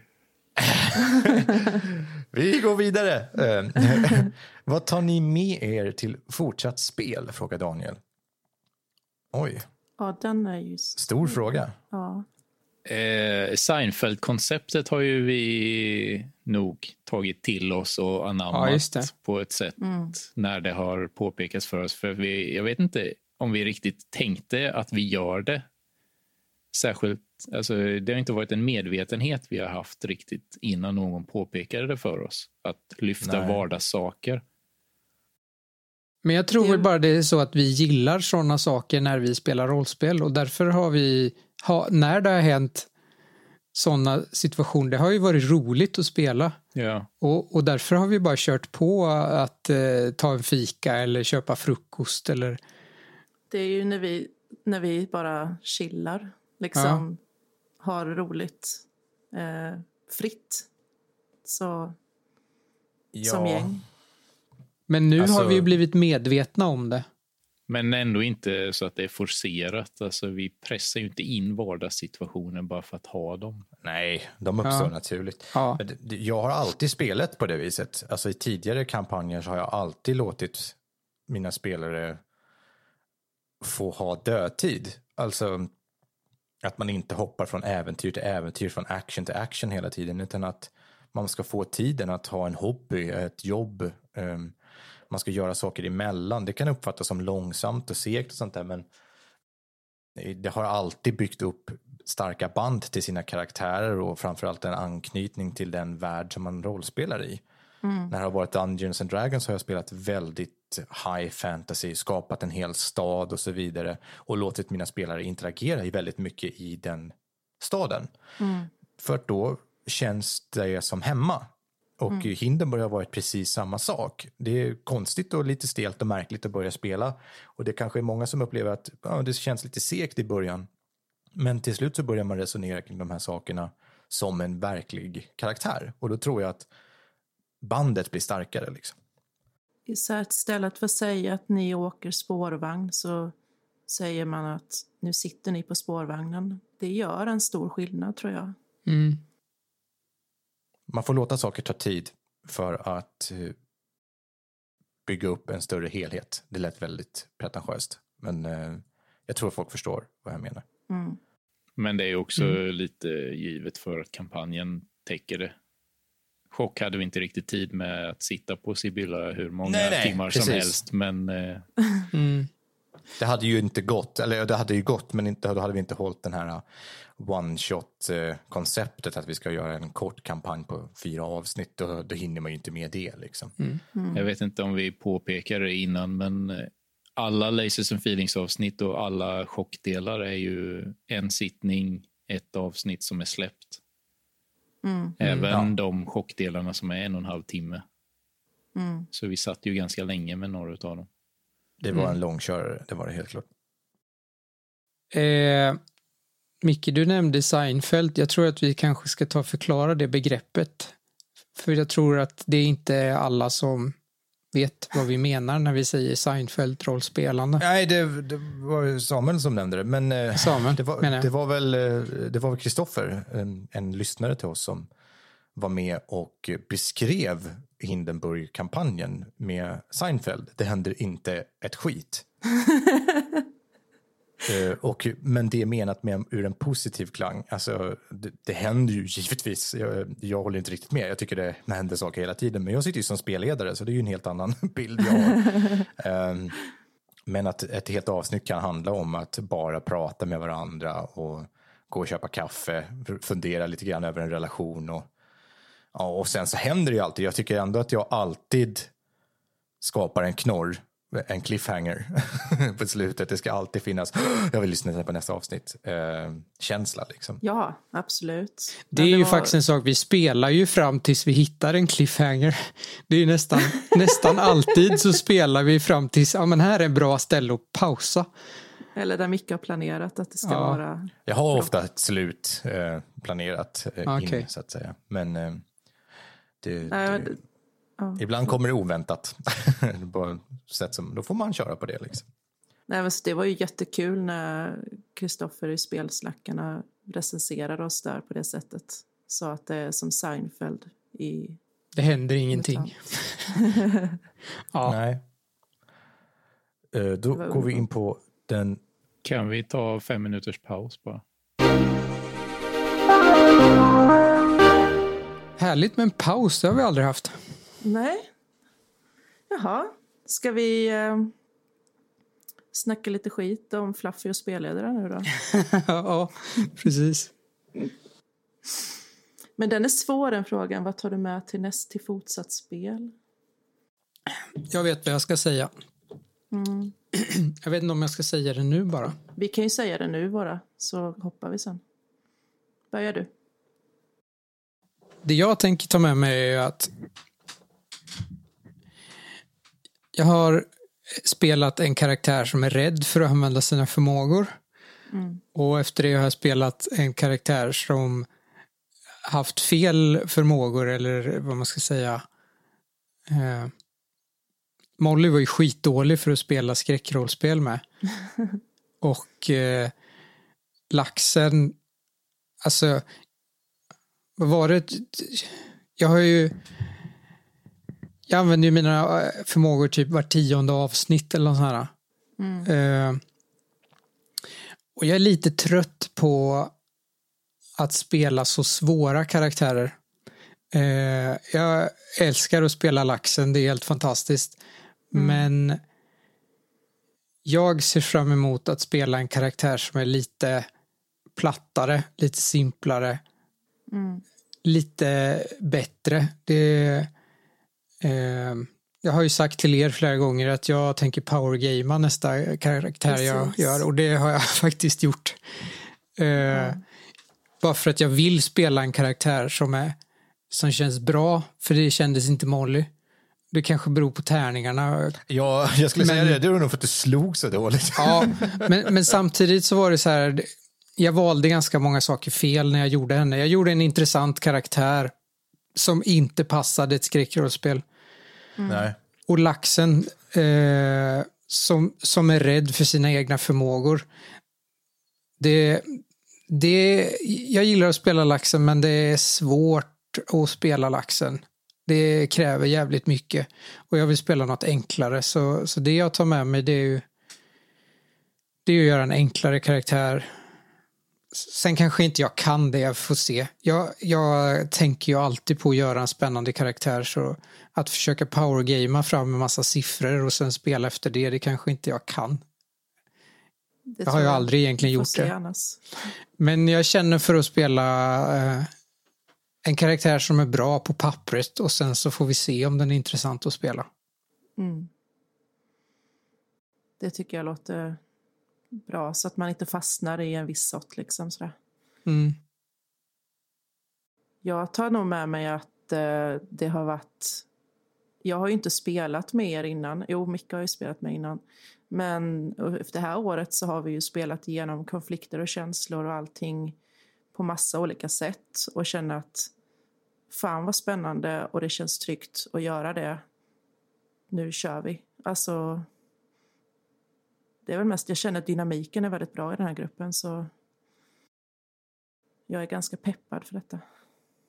Ja, alltså jag tror att man tar med sig att vi, vi, vi har ju hittat någon kemi som jag tror att eh, är väldigt vinnande och den kommer vi fortsätta utveckla. Vi kommer göra olika saker mm. men med eh, samma glimten i ögat om man ska uttrycka sig klyschigt. Precis. Jag tror att det är, är roligt att ni inte tar för stort allvar på rollspelandet men samtidigt låta allvarliga situationer få vara allvarliga och vara ledsamma. För då tror jag att kan man skratta och gråta med en karaktär då, då blir de känslorna desto starkare när de väl, scenerna väl uppstår. Exakt. Det håller jag med om helt och hållet. Är det något att ta med dig, Samuel? Um... Det är okej, okay. du har bara haft 20 minuter på dig att fundera på den här frågan. Nej, jag vet inte. Antagligen. Jag har väl inte riktigt reflekterat över det. Du kan återkomma till det. den frågan när du har funderat klart. Uh, nej, men vi kör vidare då. Resten av frågorna har uh, med framtiden att göra. Uh, hur Frågor om hur vi ska göra saker i framtiden och hur vi bestämmer och tänker och så vidare. Uh, anonym person frågar, kommer ni att rotera spelledandet? Ja. Ja, det kommer vi göra. Jag tycker mm. att vi har gjort det också. Uh, inte i Hindenburg visserligen, men det hade varit konstigt. men det har vi väl sagt från första början att vi ska göra. Ja, ja. Mm. Absolut. Snabbt svar på den. Vi kör nästa fråga. Hur väljer ni mm. spelledare? Frågar en annan anonym person. Hur gör vi då? Det har väl varit att någon har sagt att jag vill spela det detta. Ja, men det är ju det. Spelledaren ja. pitchar en idé och sen så svarar vi andra på om vi vill spela den idén eller inte. Och sen så har vi en lång lista på grejer som vi vill spela nu för att Vi har så mycket Precis. idéer. Ja, vad är det? Ja. 20 stycken grejer vi har på den här listan. Ja, det, det är väldigt mycket. Mer om det sen. Ja um, nej, men det är väl så som Samuel säger, att det, det är oftast en person som brinner lite mer för ett rollspel och om vi röstar fram att ja, men vi kör det, då, då är det den personen som också förväntas kanske ta ansvaret om det inte skulle uppstå en fråga, vem ska vara spelledare? Och då brukar oftast någon kliva fram och säga, ja men jag gör det. Sen att jag blev förhindrad, jag kommer inte ihåg varför det blev jag. Ja, men det var nog för att jag- du hade det. Det var för att du hade hade backat köpt det och det. var du som var pepp på det. Det var du som föreslog det och det var din idé att vi skulle spela det in eller börja spela det precis vid släppet eller så. Ja, just det. Jag ville ju vara väldigt snabb på den bollen där. Så att redan innan faktisk release hade vi ju börjat släppa avsnitt. Liksom. Så vi var väldigt snabba där. Och det var också väldigt mycket Micke värd att spelleda i. Ja. Ja, den passar dig. Ja. Jag har köpt varenda spel och expansion. Mutantor 0, Genab Alpha, eh, Machinarium och ja, varenda sån där grej har jag köpt. Jag älskar dem, den världen väldigt mycket liksom, och har följt den utvecklingen. Eh, inte så mycket erfarenhet av gamla MUTANT, men eh, det var, kändes naturligt att jag skulle göra det på något sätt. Chock då? Var det... Det var ju din idé Samuel. Ja, men det var ju för att jag parallellt med det skrev väsent i skymningens fasor och medan jag skrev det så fick jag en idé om att det hade varit kul att marknadsföra det här eh, genom rollspelsdags för att se hur det fungerar. Så jag frågade ju Ja. min eh, redaktör på Eloso om det var okej att vi gjorde så. Mm. Och sen eh, de på Eloso eh, tar alltid på sig så himla mycket att göra så att eh, typ allting de gör blir lite så här småförsenat hela tiden. Så att Ja. vi släppte ju hela chockdelen innan kickstarten för Skymningens fasor ens hade kommit upp. Ja, snacka om att vara snabb på den bollen. det var det sjukaste. Liksom. Ja.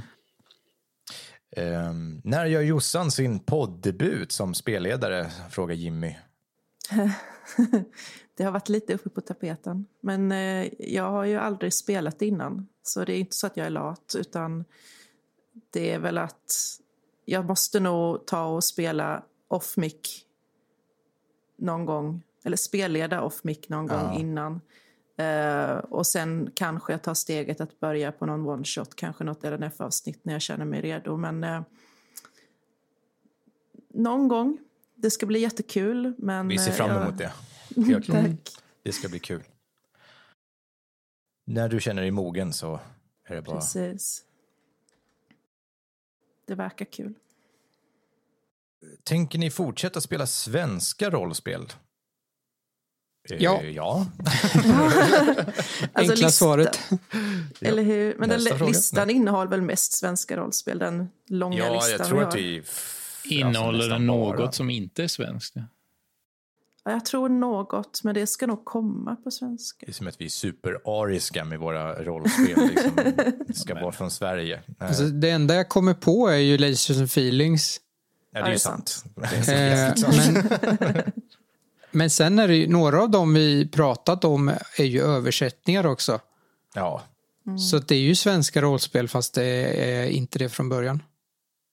Jag hade ju väldigt gärna velat spela DND någon gång, men grejen är att det är så gjort. Det är så många som spelar DND, Ja. så det behövs liksom inte. Jag älskar Dungeons and Dragons, men jag tror att det, det blir närmare och lättare att känna igen de här ja, världarna och sånt som vi spelar oftast som det, som det är vi är i. Jag är också sån väldigt att jag inte vill göra någonting som är gjort för Mm. mycket. Det ska vara en ny upplevelse. Lite så. Sen tycker jag det känns lite läskigt också om man skulle ta och spela någonting som någon annan gjort bra. Precis. Alltså, det finns ju ingen som skulle eh, våga spela konfluktsviten i poddformat liksom. Exakt. För Ja, det här var ju att- konstigt. Då, hade nog, då känns det som att man hade, någon hade suttit och lyssnat och jämfört med Ja, eller hur? Och samma som, sak eh, gäller med att spela bortom. Jag hade inte vågat spelleda bortom i poddformat. Nej, Nej, men det är samma sak med alltså, fiasko. Det, det, det är som när det kommer en remake på alltså Lejonkungen, den tredje animerade, hur kan man inte sitta och jämföra med första filmen och tycka att "Mm, det här gjorde de mycket bättre i första. Alltså, det, det, det, känslan är borta och så vidare. Alltså, Ja. då är det bättre att man är ensam. Jag, tror, inte- jag vet inte om det ens finns en podd som gör, spelar Hindenburg. Det kanske det gör, jag, jag har faktiskt inte kollat upp det. Men då vet man liksom att ja, men det där har vi gjort, det är vår grej. Liksom. Det Sen finns ju en omöjligt. podd som heter Rollspelsfamiljen som gjorde typ tre avsnitt eller någonting och sen inte Ja, det var- fortsatte. Det var de som Ja. jag var så här jätteglad. Jag ville fortsätta lyssna på dem, men de släppte aldrig något mer. Ja, Nej, det så jävla försvann tråkigt. Jag hoppades verkligen på dem. Jag gillar när man spelar med familjen Ja. och man får höra Ja. hur barnen får vara kreativa. Och sånt där. Så mer sånt, om ni, folk som lyssnar som har barn och så. Bara, min minnas att jag skrev till han, eh, spelledaren för den och, och tyckte att det var roligt. Eller att han skrev på vår sida. Jag kommer inte han, ihåg. han skrev sånt. på vår sida, så vi pratade lite med Ja. jag. Just det. Nej, det behövs mer Hindenburg alltså. Men Ja. det, Vi kanske har förstört det, det kanske är precis omvänt. Nu har vi gjort Hindenburg, därför exakt, vågar det är ingen annan. vågar. Vi har lite hybris också. Men det, det roligaste är ju att folk hör av sig och, och tycker att världen är så jäkla bra. Alltså att det är precis så som de beskriver det. Och de har blivit inspirerade och de ska ta med de här grejerna till sina rollspelsgrupper och sånt. Fy fan vad kul det är alltså. jo, men det är ju verkligen det. Det är superkul. Ja. Ja, nej, det, det, det är ju väldigt skoj i alla fall eh, när, man, när man får höra saker tillbaka från er lyssnare så är det ju, finns ingenting som är så roligt som att få läsa att någonting har gett någonting tillbaka liksom. ja, det är fantastiskt. Någonting.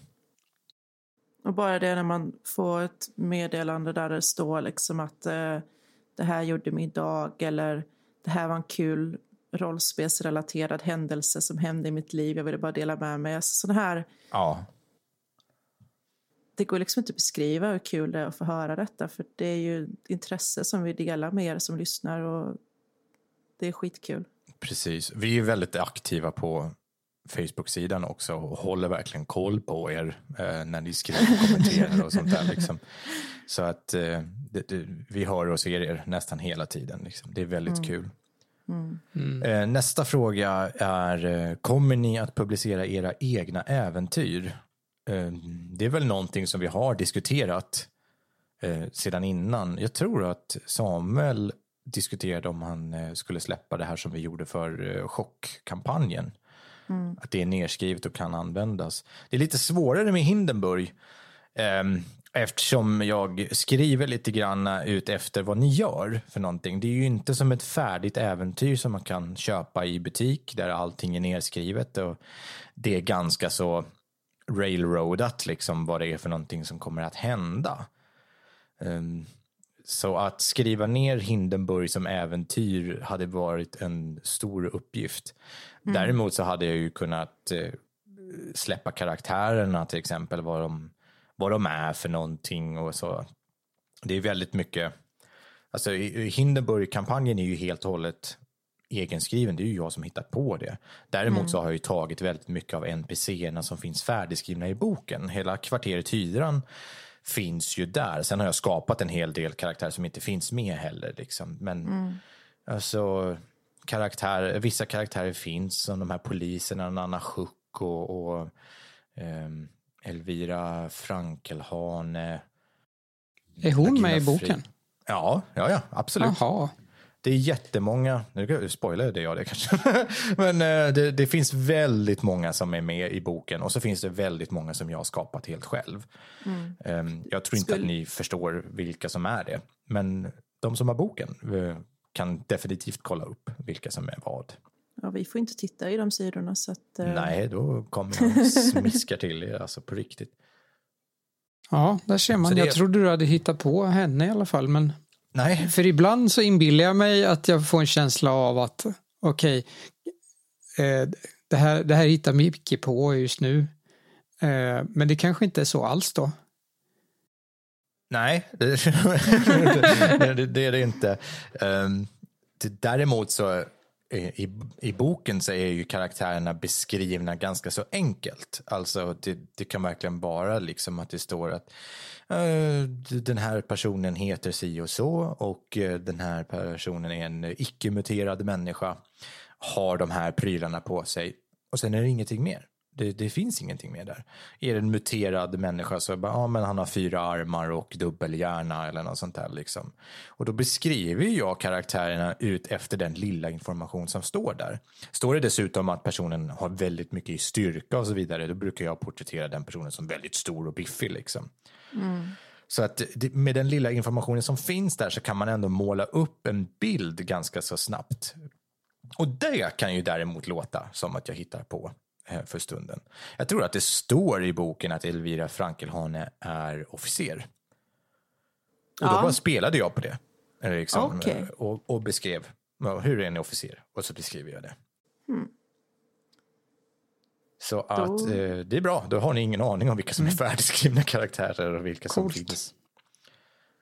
Med andra ord så vet vi inte vilken NPC vi behöver eller inte behöver. Nej. Vi får helt utgå från att alla är viktiga. Det är lite så jag vill att det ska vara också. Att Precis. ni ska inte ha den förkunskapen. Det är ju ingenting som är så tråkigt och som bryter den fjärde väggen så mycket, eller snarare, eller snarare som gör den fjärde väggen så tydlig som när man kommer fram till en karaktär och så vet inte spelledaren vad karaktären heter, eh, vet inte, kan inte beskriva någonting om den. Då vet man ju lite grann som spelare, det här är inte en viktig karaktär. Det, mm. det här är bara eh, en onödig. Och sen så kommer man att träffa en annan karaktär som spelledaren nästan har ett färdigt karaktärsblad som man sitter och läser upp ifrån. Då vet man bara, oh, viktig NPC. Eh, utan min mening är att ni inte ska ha en aning. så får ni se vad som händer liksom. Ja. Eh, Samuel. Ja. Eh, har du tänkt eh, kunna publicera chockäventyret? Går det att publicera? Finns det att släppa liksom? Om jag får eh, fixa till det och så, så går det nog att släppa tror jag. Det hade varit kul. Jag har ju faktiskt mm. skrivit det som att det skulle kunna bli ett släppbart äventyr. Så det... Har... Det kanske är så vi ska göra i fortsättningen, att när vi skriver någonting så försöker vi göra det till allas, eh, alltså att alla kan få ta del av det när det är klart. Sen. Men jag tror, alltså, när jag skriver äventyr så tror jag nog alltid att jag har det lite i åtanke just eftersom jag skriver åt förlagen ibland. Så tänker jag ah, alltid ja. på att det jag gör tjänar på att andra ska kunna ta del av det. Nej, precis. Mm. Det känns ju som ett äventyr som skulle vara lätt att spela vilken spelgrupp som helst. Ja, jo, det tror jag nog att det skulle vara. Ja, absolut. Nu, nu kan du också tortera dina spelare från rollspelsdags. Spoiler alert, alla blir besvikna i slutändan. ja, men det blir väl bra. Vi, vi, har också en jäkla massa frågor som jag slår ihop dem lite grann här. Ja, vi, har, vi, har, fått frågor från Marcus, Peter, Ty, Cal Calzone och Joen. De frågar så här. Har ni planer på att, vad har ni planer på att göra i fortsättningen? Kommer ni fortsätta med Lasers and Feelings? Kommer ni fortsätta med Chock? Vad har ni tänkt spela framöver? Annat inom år 0, MUTANT, Genlab Alpha, de kommande kampanjen till Hindenburg, Undergångens arvtagare, tänker ni spela Coriolis, Alien RPG, Lasers and Feelings, säsong 2, Skrömt, Bortom, Lefy, alltså det är så mycket frågor. Ska vi bara säga eh, ja då? Eh, på allt. På allt. Så, så, nästa fråga. Eh, nej, men vi går igenom, ska vi gå igenom lite grann vad vi har i pipeline inom den närmsta rollspelsframtiden? Och det, det kan väl vara kul. Mm. när vi är klara med Hindenburg, vilket vi är klara med ganska så snart, så ska vi spela något som heter... Skuggornas mästare. Just det, så heter det. Jag tänkte säga, jag var på väg att säga något helt annat. Skuggornas mästare, ja. Just det. Det är Där... en nyutgivning av eh, ett ninjaspel. Eh, licensen ägs av Mylingspel nu. Det är de som ger ut ett ganska litet förlag i Kalmar. Tror jag de, eller Kalmar län ligger ja, med. Mylingspel, är det de som har det? Ja ninjaspel. Kan du utveckla det lite grann? För att det lät jätteskevt. Eh, ja, alltså originalet är nog, eller kanske inte ett ninjaspel, eh, agentspel tror jag nog det beskrivs som originalet. Men eh, nu flyttade min mick på sig. Eh, nyutgivningen är ju lite speciellare för att hon, Tina Engström som har skrivit det, har ju utökat hela Skuggornas mästarvärlden och mm. lagt till en massa saker. Eh, och Det finns ett fantastiskt stycke i regelboken här som eh, är menat att det ska förklara. Jag ska se om jag hittar det lite snabbt. Som ska förklara hur den här världen då ser ut. För att det, det utspelar sig ju i vår riktiga värld i en jag vill säga hyfsad nutid, men varje gång ni har sagt så har ni sagt 80-tal, så jag misstänker att det står någonstans i boken att det är 80-tal. Man kan välja, står det. Ja, antingen nutid eller 1988 har jag för mig att det mm. 80-talet! Mycket bättre. Här är stycket. Man kan sammanfatta spelet som någon form av överdriven agent-science fantasy med glimten i ögat. Ja. Det är meningen att det ska kunna användas för att spela äventyr som det är filmer och tv-serier som, och så kommer en lista här då, som alltså ska kunna tas upp i det här spelet. Då läser jag den här listan. James ja. Bond, Buffy vampyrjägaren, Trolljägaren, yes. True Blood, Die Hard, Kill yes. Bill, National Treasure, The A-Team, The Crow, The Born Identity, oh. Predator, Looper, Super 8, Hitman, The Thing. Eh, tappar jag bort min lista också? Blade, Jurassic Park, X-Files. Dinosaurier! Fringe, Stargate, 24, Grim, The Abyss, yes. True Lies, Resident Evil, Blind Fury, Taken, Universal Soldier, Doctor Who, Rambo och V. Okej, okay, oh så att alla genrer i hela, i hela genrevärlden. Varenda genre trop som existerar finns med i det här spelet. Du kan spela ninjor, du kan spela agenter, du kan spela superhjältar, du kan spela fantasy-magiker, du kan spela alienjägare, du kan spela tidshoppare. Ja, allt möjligt skit. Oj, oj, oj.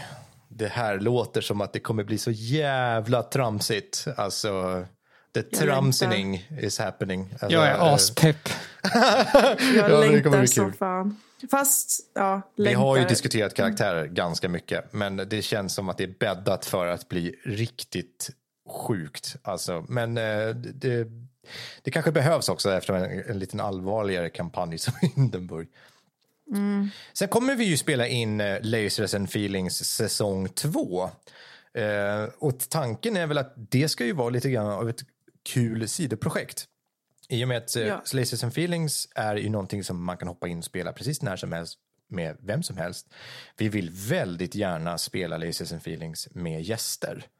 Vi vill, ja framförallt vill vi väldigt gärna spela med eh, andra poddare såklart, men självklart vill vi ju spela med er lyssnare. Så det som man behöver är väl liksom, eh, ja, man kanske behöver en, en mikrofon som är schysst, liksom, för allas skull. Mm. Men eh, vi kommer spela Laces and Feelings och sen kommer vi sätta ihop alltihop till en mäktig säsong två så småningom. Men det har Precis. vi väl inte sagt skulle vara efter eh, Skuggornas mästare? Nej, nej, nej. Och det är väl därför jag sa det, att man kan spela in det lite när som helst, hur som helst. Och då kan, ah. om, ifall det finns en lucka någonstans där, ja, där som vid ett tillfälle där jag inte kunde vara med, så bjuder vi in en gäst istället. Så får den personen bara fylla min plats. Mm. Och det, det, är inte så att vi måste göra på det viset, men det är en bra fillergrej man kan göra när man ja, inte hinner. Liksom. Mm. Sen, sen, kan vi fokusera på det eh, i sin helhet också. Men det, mm. det kommer inte följa naturligt eh, i kronologisk ordning att vi först spelar Skuggornas mästare och sen spelar vi Lises Feelings, utan det är lite luddigt. Men närmast på agendan står i alla fall Skuggornas mästare. Efter det vi har också, eller jag vet inte efter det, men vi har också, vad är det vi har med sen Jesaja? Jag ska spelleda Skrömt. Just det. Ska du spelleda Skrömt först? För att vi håller på att förbereda två Skrömt-kampanjer samtidigt. Gör Alltså, ja, jag, jag håller också på att skriva ju, en Skrömt-kampanj. Jag tänkte ju först att du skulle göra din grej först och Aha. jag min efteråt. Men sen så känns det som att du la din grej på hyllan eller att det inte är klart eller att det var något annat. Och därför så har jag ju jobbat mer på, på min och tänkt att den ska vara först. Men det är skitsamma för mig, jag vet inte. Men tanken är väl att spela något med skrömt i alla fall och vi har två kampanjer på gång. Ja, jag har inte lagt den på hyllan i alla fall. Jag har bara fokuserat på Skuggornas mästare-kampanjen. Ja. För att den skulle vara först. Men eh, jag har den i bakhuvudet och jag... Alltså, i... grejen med min skrömtkampanj är att eh, den i viss mån ska baseras på verkliga händelser från mitt egna liv. Eh, så i princip det mesta så finns ju redan där. Det är ju bara för mig att plocka ut ur mitt minne. Extremt utelämnande. Ja, det. jo, Mm. den, eh, den kommer vara läskig att skriva och den kommer vara ännu läskigare att spela. Eh, men eh, skrömt Mm. känns som ett perfekt system för just det jag har i åtanke. Eh, Mina damer och herrar, det här är Terapipodden där vi bearbetar Samuels eh, trauman genom livet. Eh, ja, men det kommer bli väldigt spännande och Ja. bli, låter som att det kommer bli väldigt personligt också. Jag tror att eh, det, det ser jag jättemycket fram emot. Men Mm, det, det spelet överhuvudtaget tror jag kommer göra eh, ge- generera bra berättelser. Mm. Precis. Jag tror att det passar oss. Ja, Ja, då ska vi se. Då har det är vi vad vi har planerat. fler frågor. eh, Efter det, vi har ju också vi har ju en önskan om att, eller jag, jag har en stark önskan om att spelleda Vindsjäl. Då jag tycker det verkar supermysigt. Eh, lite oklart när det kommer och så vidare. Det är ganska långt fram i framtiden verkar det som innan det blir aktuellt. Mm. Men den är vi ju ganska eniga om att vi vill spela, Ja, det spelet. Ja. men vi vet inte riktigt när det kommer. Men vi ska, vi ska fixa. Uh, ska vi spela bortom Leviathan? Eh, verkar inte som att det är inom den närmsta framtiden. Ej heller Coriolis. Eh, det är också en sån podd, eller ett rollspelsformat som många har spelat och har gjort väldigt bra. Det hade varit svårt att följa upp med en Coriolis-kampanj. Lite liknande på Alien, men Alien är ju nyare. Ehm, Den hade varit mer spännande, helt klart. Men ingenting som vi har planerat just nu. Sen är det uppföljningar på MUTANT år 0, Genlab Alpha och så. Det är ju det som är lite skevt. Vi har ju egentligen spelat den sista expansionen av MUTANT år 0 som är Hindenburg. Så i så fall hade vi varit tvungna att spela saker baklänges. Men sitter MUTANT år 0-serien ihop med Hindenburg så långt? För jag har uppfattat, alltså MUTANT år 0 är ju verkligen år 0. Ja. Hindenburg är ju typ 500 år senare, men går Precis. hela storyn ändå kronologiskt där? Eh, det, den sitter nog ihop med senare expansioner skulle jag nog säga. Men eh, Hindenburg i sig är ju egentligen helt fristående. Man behöver inte ha spelat dem tidigare. Men det blir lite hoppigt om vi skulle bara, ja men nu har vi spelat Hindenburg, nu ska vi spela MUTANT år 0. Ja, då får vi gå tillbaka 500 år i tiden. Ingen vet om vad det är som har hänt på jorden. Ni spelar en grupp på kanske 20-30 personer som bor i en båt eller någonting och sen så ska ni upptäcka världen. Liksom. Det är två helt olika perspektiv. Ja. Jag är ju på MUTANT, det kan jag bara säga. Jag är en MUTANT-tjej, 100 procent. Allt med MUTANT. Jag har ändå Mutant spelat mycket gamla MUTANT, eh, har jag gjort i mitt liv. Det... När du säger Ja, gamla MUTANT, är det inte nya MUTANT du menar? Nej, jag har spelat nya MUTANT också, men det är gamla MUTANT jag menar. Alltså den Ja. lila lådan. Ja. Den som verkligen är, alltså, man går ut som en muterad björn med en jävla musköt och är skitkass på allting och sen så kör man uppdrag i Mos Mosell och får träffa Nicolas von Rien. Det är, väl det, alltså det är ju där allting startar med hela Pyrisamfundet-grejen som tills, sen efter ett tag alltså, går över till MUTANT 2 och sen MUTANT undergångens arvtagare och i princip allting där är ju bara en enda Ja. lång story. Det är så fantastiskt. Jag önskar att jag kunde den. Jag har ju inte den kunskapen. Oh, oh, jag utlyser det här nu. Att är det någon lyssnare som vi har som är en så här riktigt inbiten mutant kronologisk nörd så får han jättegärna höra av sig till mig och ha en sån historiestund med mig och bara berätta hur allting ligger till. Liksom. Det hade varit så jäkla roligt. Ehm, den kommande kampanjen till Hindenburg, det är ju faktiskt någonting på gång som Fria Ligan håller på att släppa som heter Gryningens beskyddare heter den va? Eh, och det kommer ju komma flera äventyr tillsammans med den. Det verkar som att det är tre, fyra stycken äventyrskampanjer till den. Um, vi har den i åtanke också. Är det så att lyssnare kommer sakna Hindenburg och dess värld alldeles för mycket så, så har vi några svaga framtidsplaner på att vi kanske kommer att återvända och i så fall eh, Kanske gör ni helt nya karaktärer, vi, vi har ingen aning. Men de, de, de kommer komma också och jag kommer läsa igenom de äventyren också så får vi se hur det blir med det. Ehm, Allting är möjligt. Allt är möjligt och uh, tyvärr så har vi inte tillräckligt mycket tid för att göra alla saker som vi vill mm. göra. Vi får skaffa Eller så här. som vi vill göra. det, ja, precis. Vi, vi, får, ni vill ju att vi ska göra ännu mer saker. Vi får börja jobba med det här på heltid. Vi får skaffa en så här Patreon eller någonting och så om ni betalar oss så, kommer, så kommer vi spela så mycket mer rollspel, jag lovar. Eh, måste få ihop till fyra stycken månadslöner. så, sen, sen, sen spelar vi. Jävlar vad mätt man skulle bli på det om man sitter och spelar rollspel åtta timmar om dagen. Varje dag och då inkluderas redigering, ljudklippning, skapa intro. Nej, fan då får ni ja, spela utan mig. Då är det inte glöd. kul. Ja, men vi har en kvartsrast. Ja. Jag, oh, åtta timmar, fan. det klarar vi. Man hade ju tröttnat på varandra ganska mycket också. Ja, nej, jag spelar ju jättegärna laxen igen. Men risken är att det blir väldigt svårt. Uh, Speciellt nu när han dör. Dun, dun, dun. Eller? Oj, sa jag det högt? Nej. Mm. Oj då. Ja. Nej, vi får se. Ja. Vi får se vad som händer.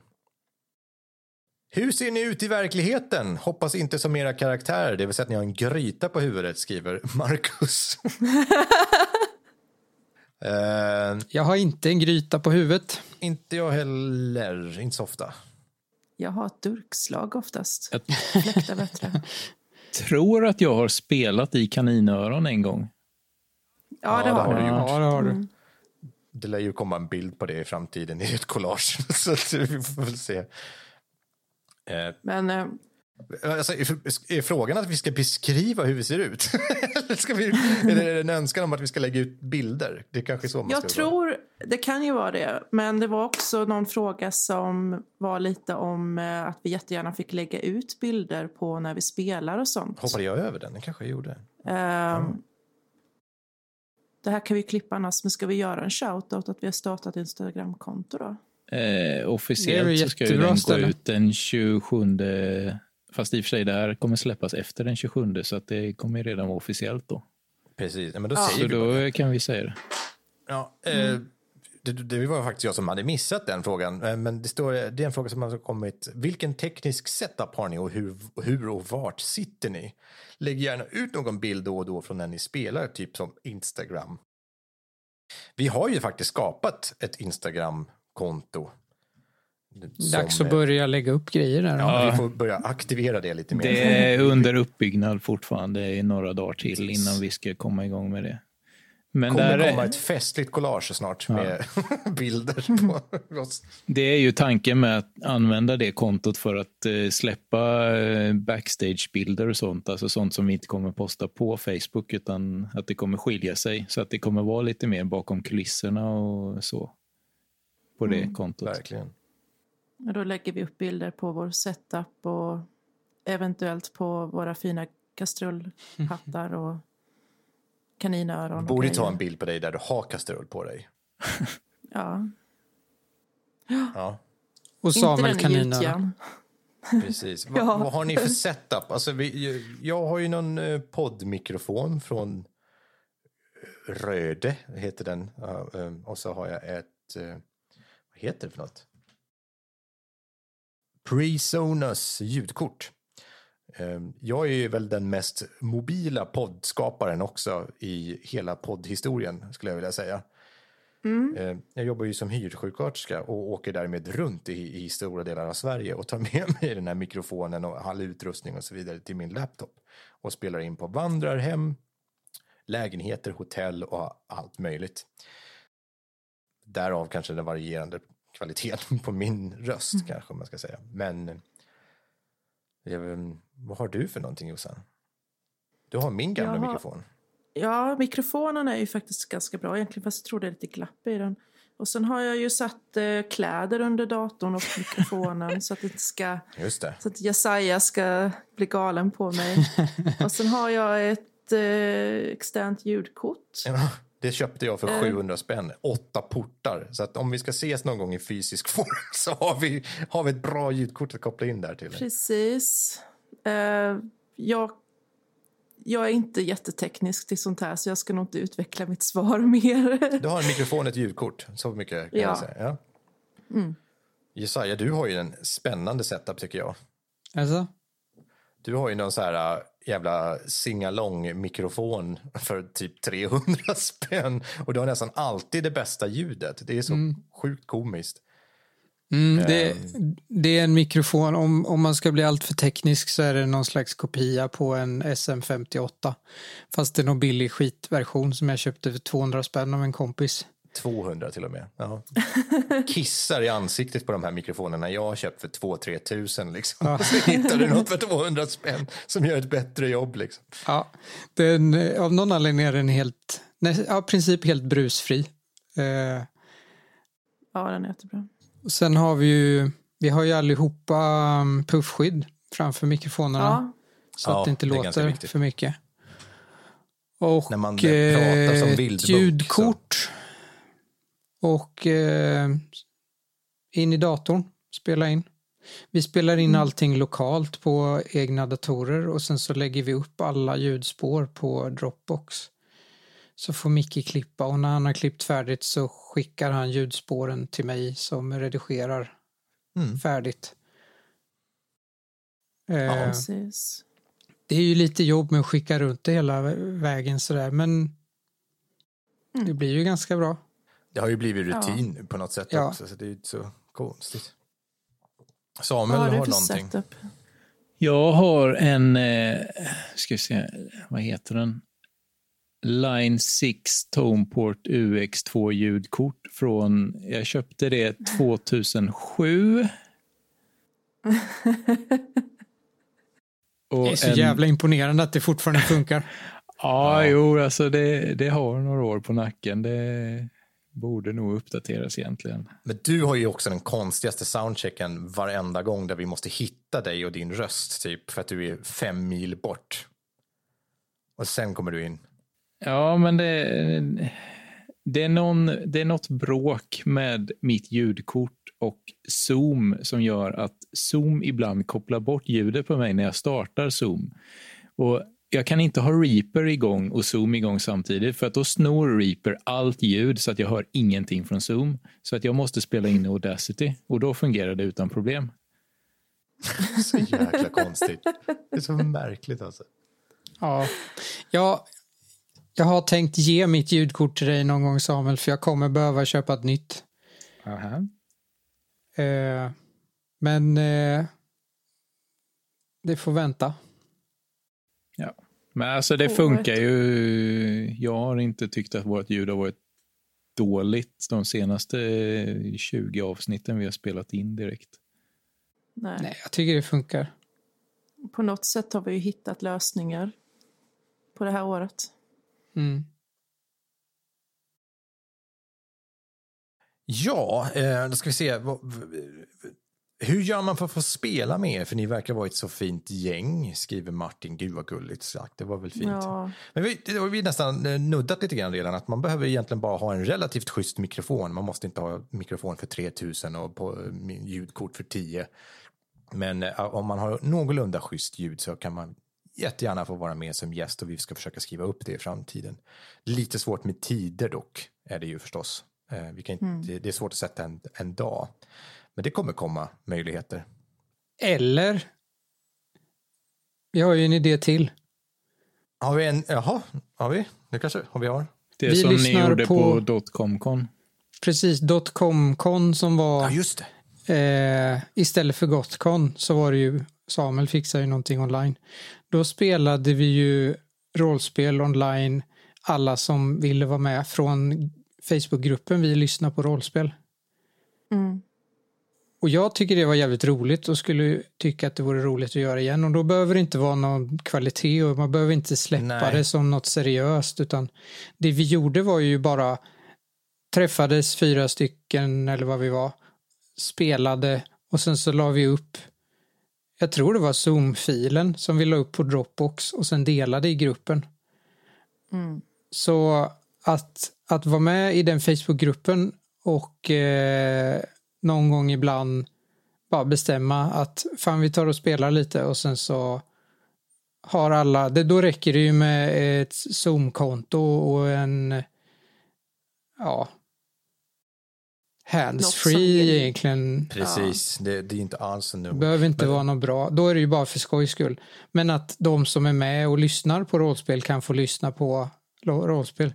Vi är så jävla meta när vi lyssnar på rollspel, spelar rollspel. Men det är... Precis. Precis. Men, eh, Men det, är lite, ja, det kom, ja, förlåt, kör Jossan.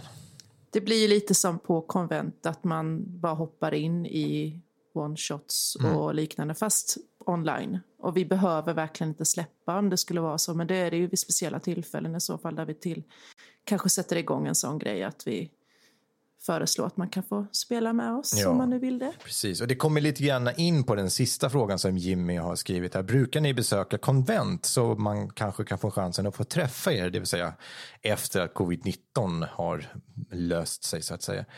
Eh, och det, har ju, det vill vi jättegärna göra, absolut. Vi vill jättegärna träffa er lyssnare och spela rollspel med er. Det hade ju varit supermysigt. Tills dess så får det bli via sådana här online-event och så vidare. Vi kanske kan försöka fixa till någon sån här, någon helg eller något att bara uh, mysspela utan något krav på kvalitet och så vidare. Ehm, jag har varit väldigt drivande med att vi ska åka på konvent, men eh, sen kom corona och ställde till det. Precis. Men, men i framtiden, absolut, det vill vi jättegärna göra. Eh, Och då kommer vi annonsera ut det högljutt så att ni får chansen att komma dit köpa också. biljetter. och åka. Såklart, det ska vi göra. Då ska vi ha merch också. Har jag. Ja, absolut. Vi måste ha grejer, gratisprylar att ge bort. Och coola Gratis grejer man kan köpa. Ja, det, det är lätt att göra. Det är bara diadem, lite papper på det och sen så är det klart. Ja. Eh, Så på ett konvent nära dig i framtiden ses vi. Det gör vi. Covid-19 har blåst över. Hörni, det här blev svinlångt. Det skulle inte alls bli så långt. Men eh, nu är frågorna slut. Det kommer ju komma, vi vet att ni har skrivit jättemånga frågor som är relaterade till Hindenburg. Men det kommer komma ett specifikt MUTANT Hindenburg eftersnack där vi tar det. Ska vi köra en snabb början till slutet var på max en minut? Hur året har känts? Eller bryter vi? Behöver vi, jag tycker vi gick igenom det i början så himla bra. Eller? Det kanske vi gjorde. När vi pratar om att, hur vi kom till och hur det har gått och sånt där. Det känns som att det blir lite kaka på kaka. Eller vad känner ni? Ja, jag, bara, jag tänkte att du hoppade ut frågorna först direkt och inte gick liksom kronologiskt från dokumentet. Nej, jag trodde att jag gjorde det, men jag, jag, kanske har skippat över någonting av misstag. Men vi, vi täckte ju det ganska mycket. Mm. Ah, jag tror inte att vi behöver det. Vi har ju typ nästan två timmars sammanfattning. Liksom. Mm. Men eh, då, ska vi säga så för tillfället eller är det någonting som ni vill lägga till? Tack för att ni lyssnar. Ja, Ja, det är så himla roligt. Det här är fan det roligaste jag har gjort på så jävla många år. Verkligen. Alltså vi hade ju gjort podden även om ni inte tyckte om den. Men, Ja. men Ja, en så kul är det faktiskt att pyssla med en sån här stor sak. bonus att det är så många som tycker att det är roligt. Det är så kul att se. Vi ser lyssnarstatistiken ökar. Vi ser hur medlemmarna i Facebookgruppen ökar också kontinuerligt. Så någonting gör vi ju rätt och det är ju det är självklart att det är ju stört kul att se det också. Så superstort tack till alla som har skrivit något fint och ja, eh, pushar, ger positiv kritik och eh, salt kritik, vad de tycker är dåligt och sånt där. Vi försöker alltid bli bättre också. Precis. Det borde vi ju tänkt på i det här och tagit lite om feedback-dokumentet. Vi har ju fått statistik under hela kampanjen ja. av vad ni tycker. Men det kan vi väl bara, det var väl jättebra att du sa det på det här viset, då kan vi bara nämna det nu ju. Ja. Att eh, det är ett dokument som är i högsta grad fortfarande aktuellt. Vi läser ja. det så fort mm. någon skriver någonting där. Och det är så jävla lärorikt, jag är så jävla glad över det. Det har varit mm. toppen alltså. Inte bara för att man får höra jättemycket positiva saker, utan folk skriver att ljudet var dåligt i början. Det har blivit bättre. Eh, och innehåll som kan bli bättre. Vad som är tråkigt, roligt och så vidare. Det har varit jättebra. Mm. Verkligen. Ja, det har verkligen och... förbättrat vår podd, det dokumentet. Absolut. Ja, absolut. Det har det Stort verkligen. tack för den tiden som ni tar att skriva. Det engagemanget, att folk lägger tid på att hjälpa oss, tycker jag det är, är ju det är fantastiskt. Absolut. Mm, Så tacksam. Jaha. Är det, vad det är det, hörni? Det var 2020. Ja. Mm. Men eh, nästa år blir ännu bättre. ja. Med ännu mer äventyr. 2021 ska bli topp 1000 tunnor. ja, då blir det bara bättre. Det kommer det bli. Det blir ett nytt år med mycket nya grejer tror jag som eh, kommer att avslutas. Just det, vi har ju faktiskt en födelsedag, ska vi nämna det? Ja. Den första gången som vi spelade in någonting. Alltså det här kommer ju släppas efter födelsedagen. Ja, just det, det kommer det göra. Det var inget. Men varför konstigt. egentligen? Kan vi inte bara släppa det den, den dagen? Oh, det kan vi eh, Vilket år menar du? På födelsedagen? Det är klart att vi ska göra det. Ja, du, ja varför inte? Ja, ja, det kommer vi ju uppenbarligen göra. Vi har tänkt att det här skulle vara ute innan dess, men det blir det ju inte. Nu blev det en märklig diskussion här. Um, du, jag säger du menar detta avsnittet? Det här avsnittet menar jag. Jaha, jag, jag syftade på våra oredigerade pilotavsnitt av Lasers and Feelings. Ah, just det. Ja, de det ska, ska vi släppa. släppa den 28. Just det. 27. Det är det som jag syftade på. Ja. När släpper vi det här då?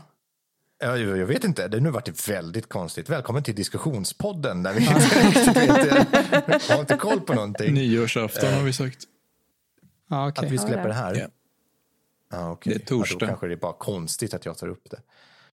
Då, då får du klippa bort det här.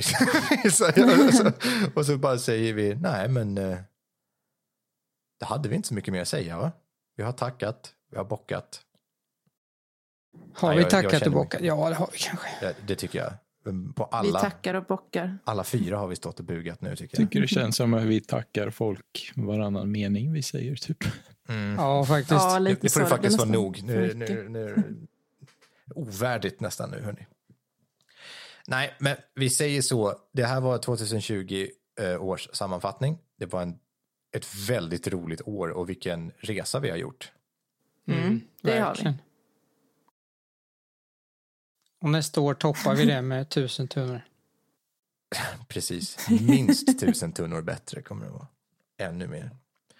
Då så, då tackar vi för oss. Ha det så fint nu allihopa. Och gott nytt år. Gott Hej då. Hej då. Hej då.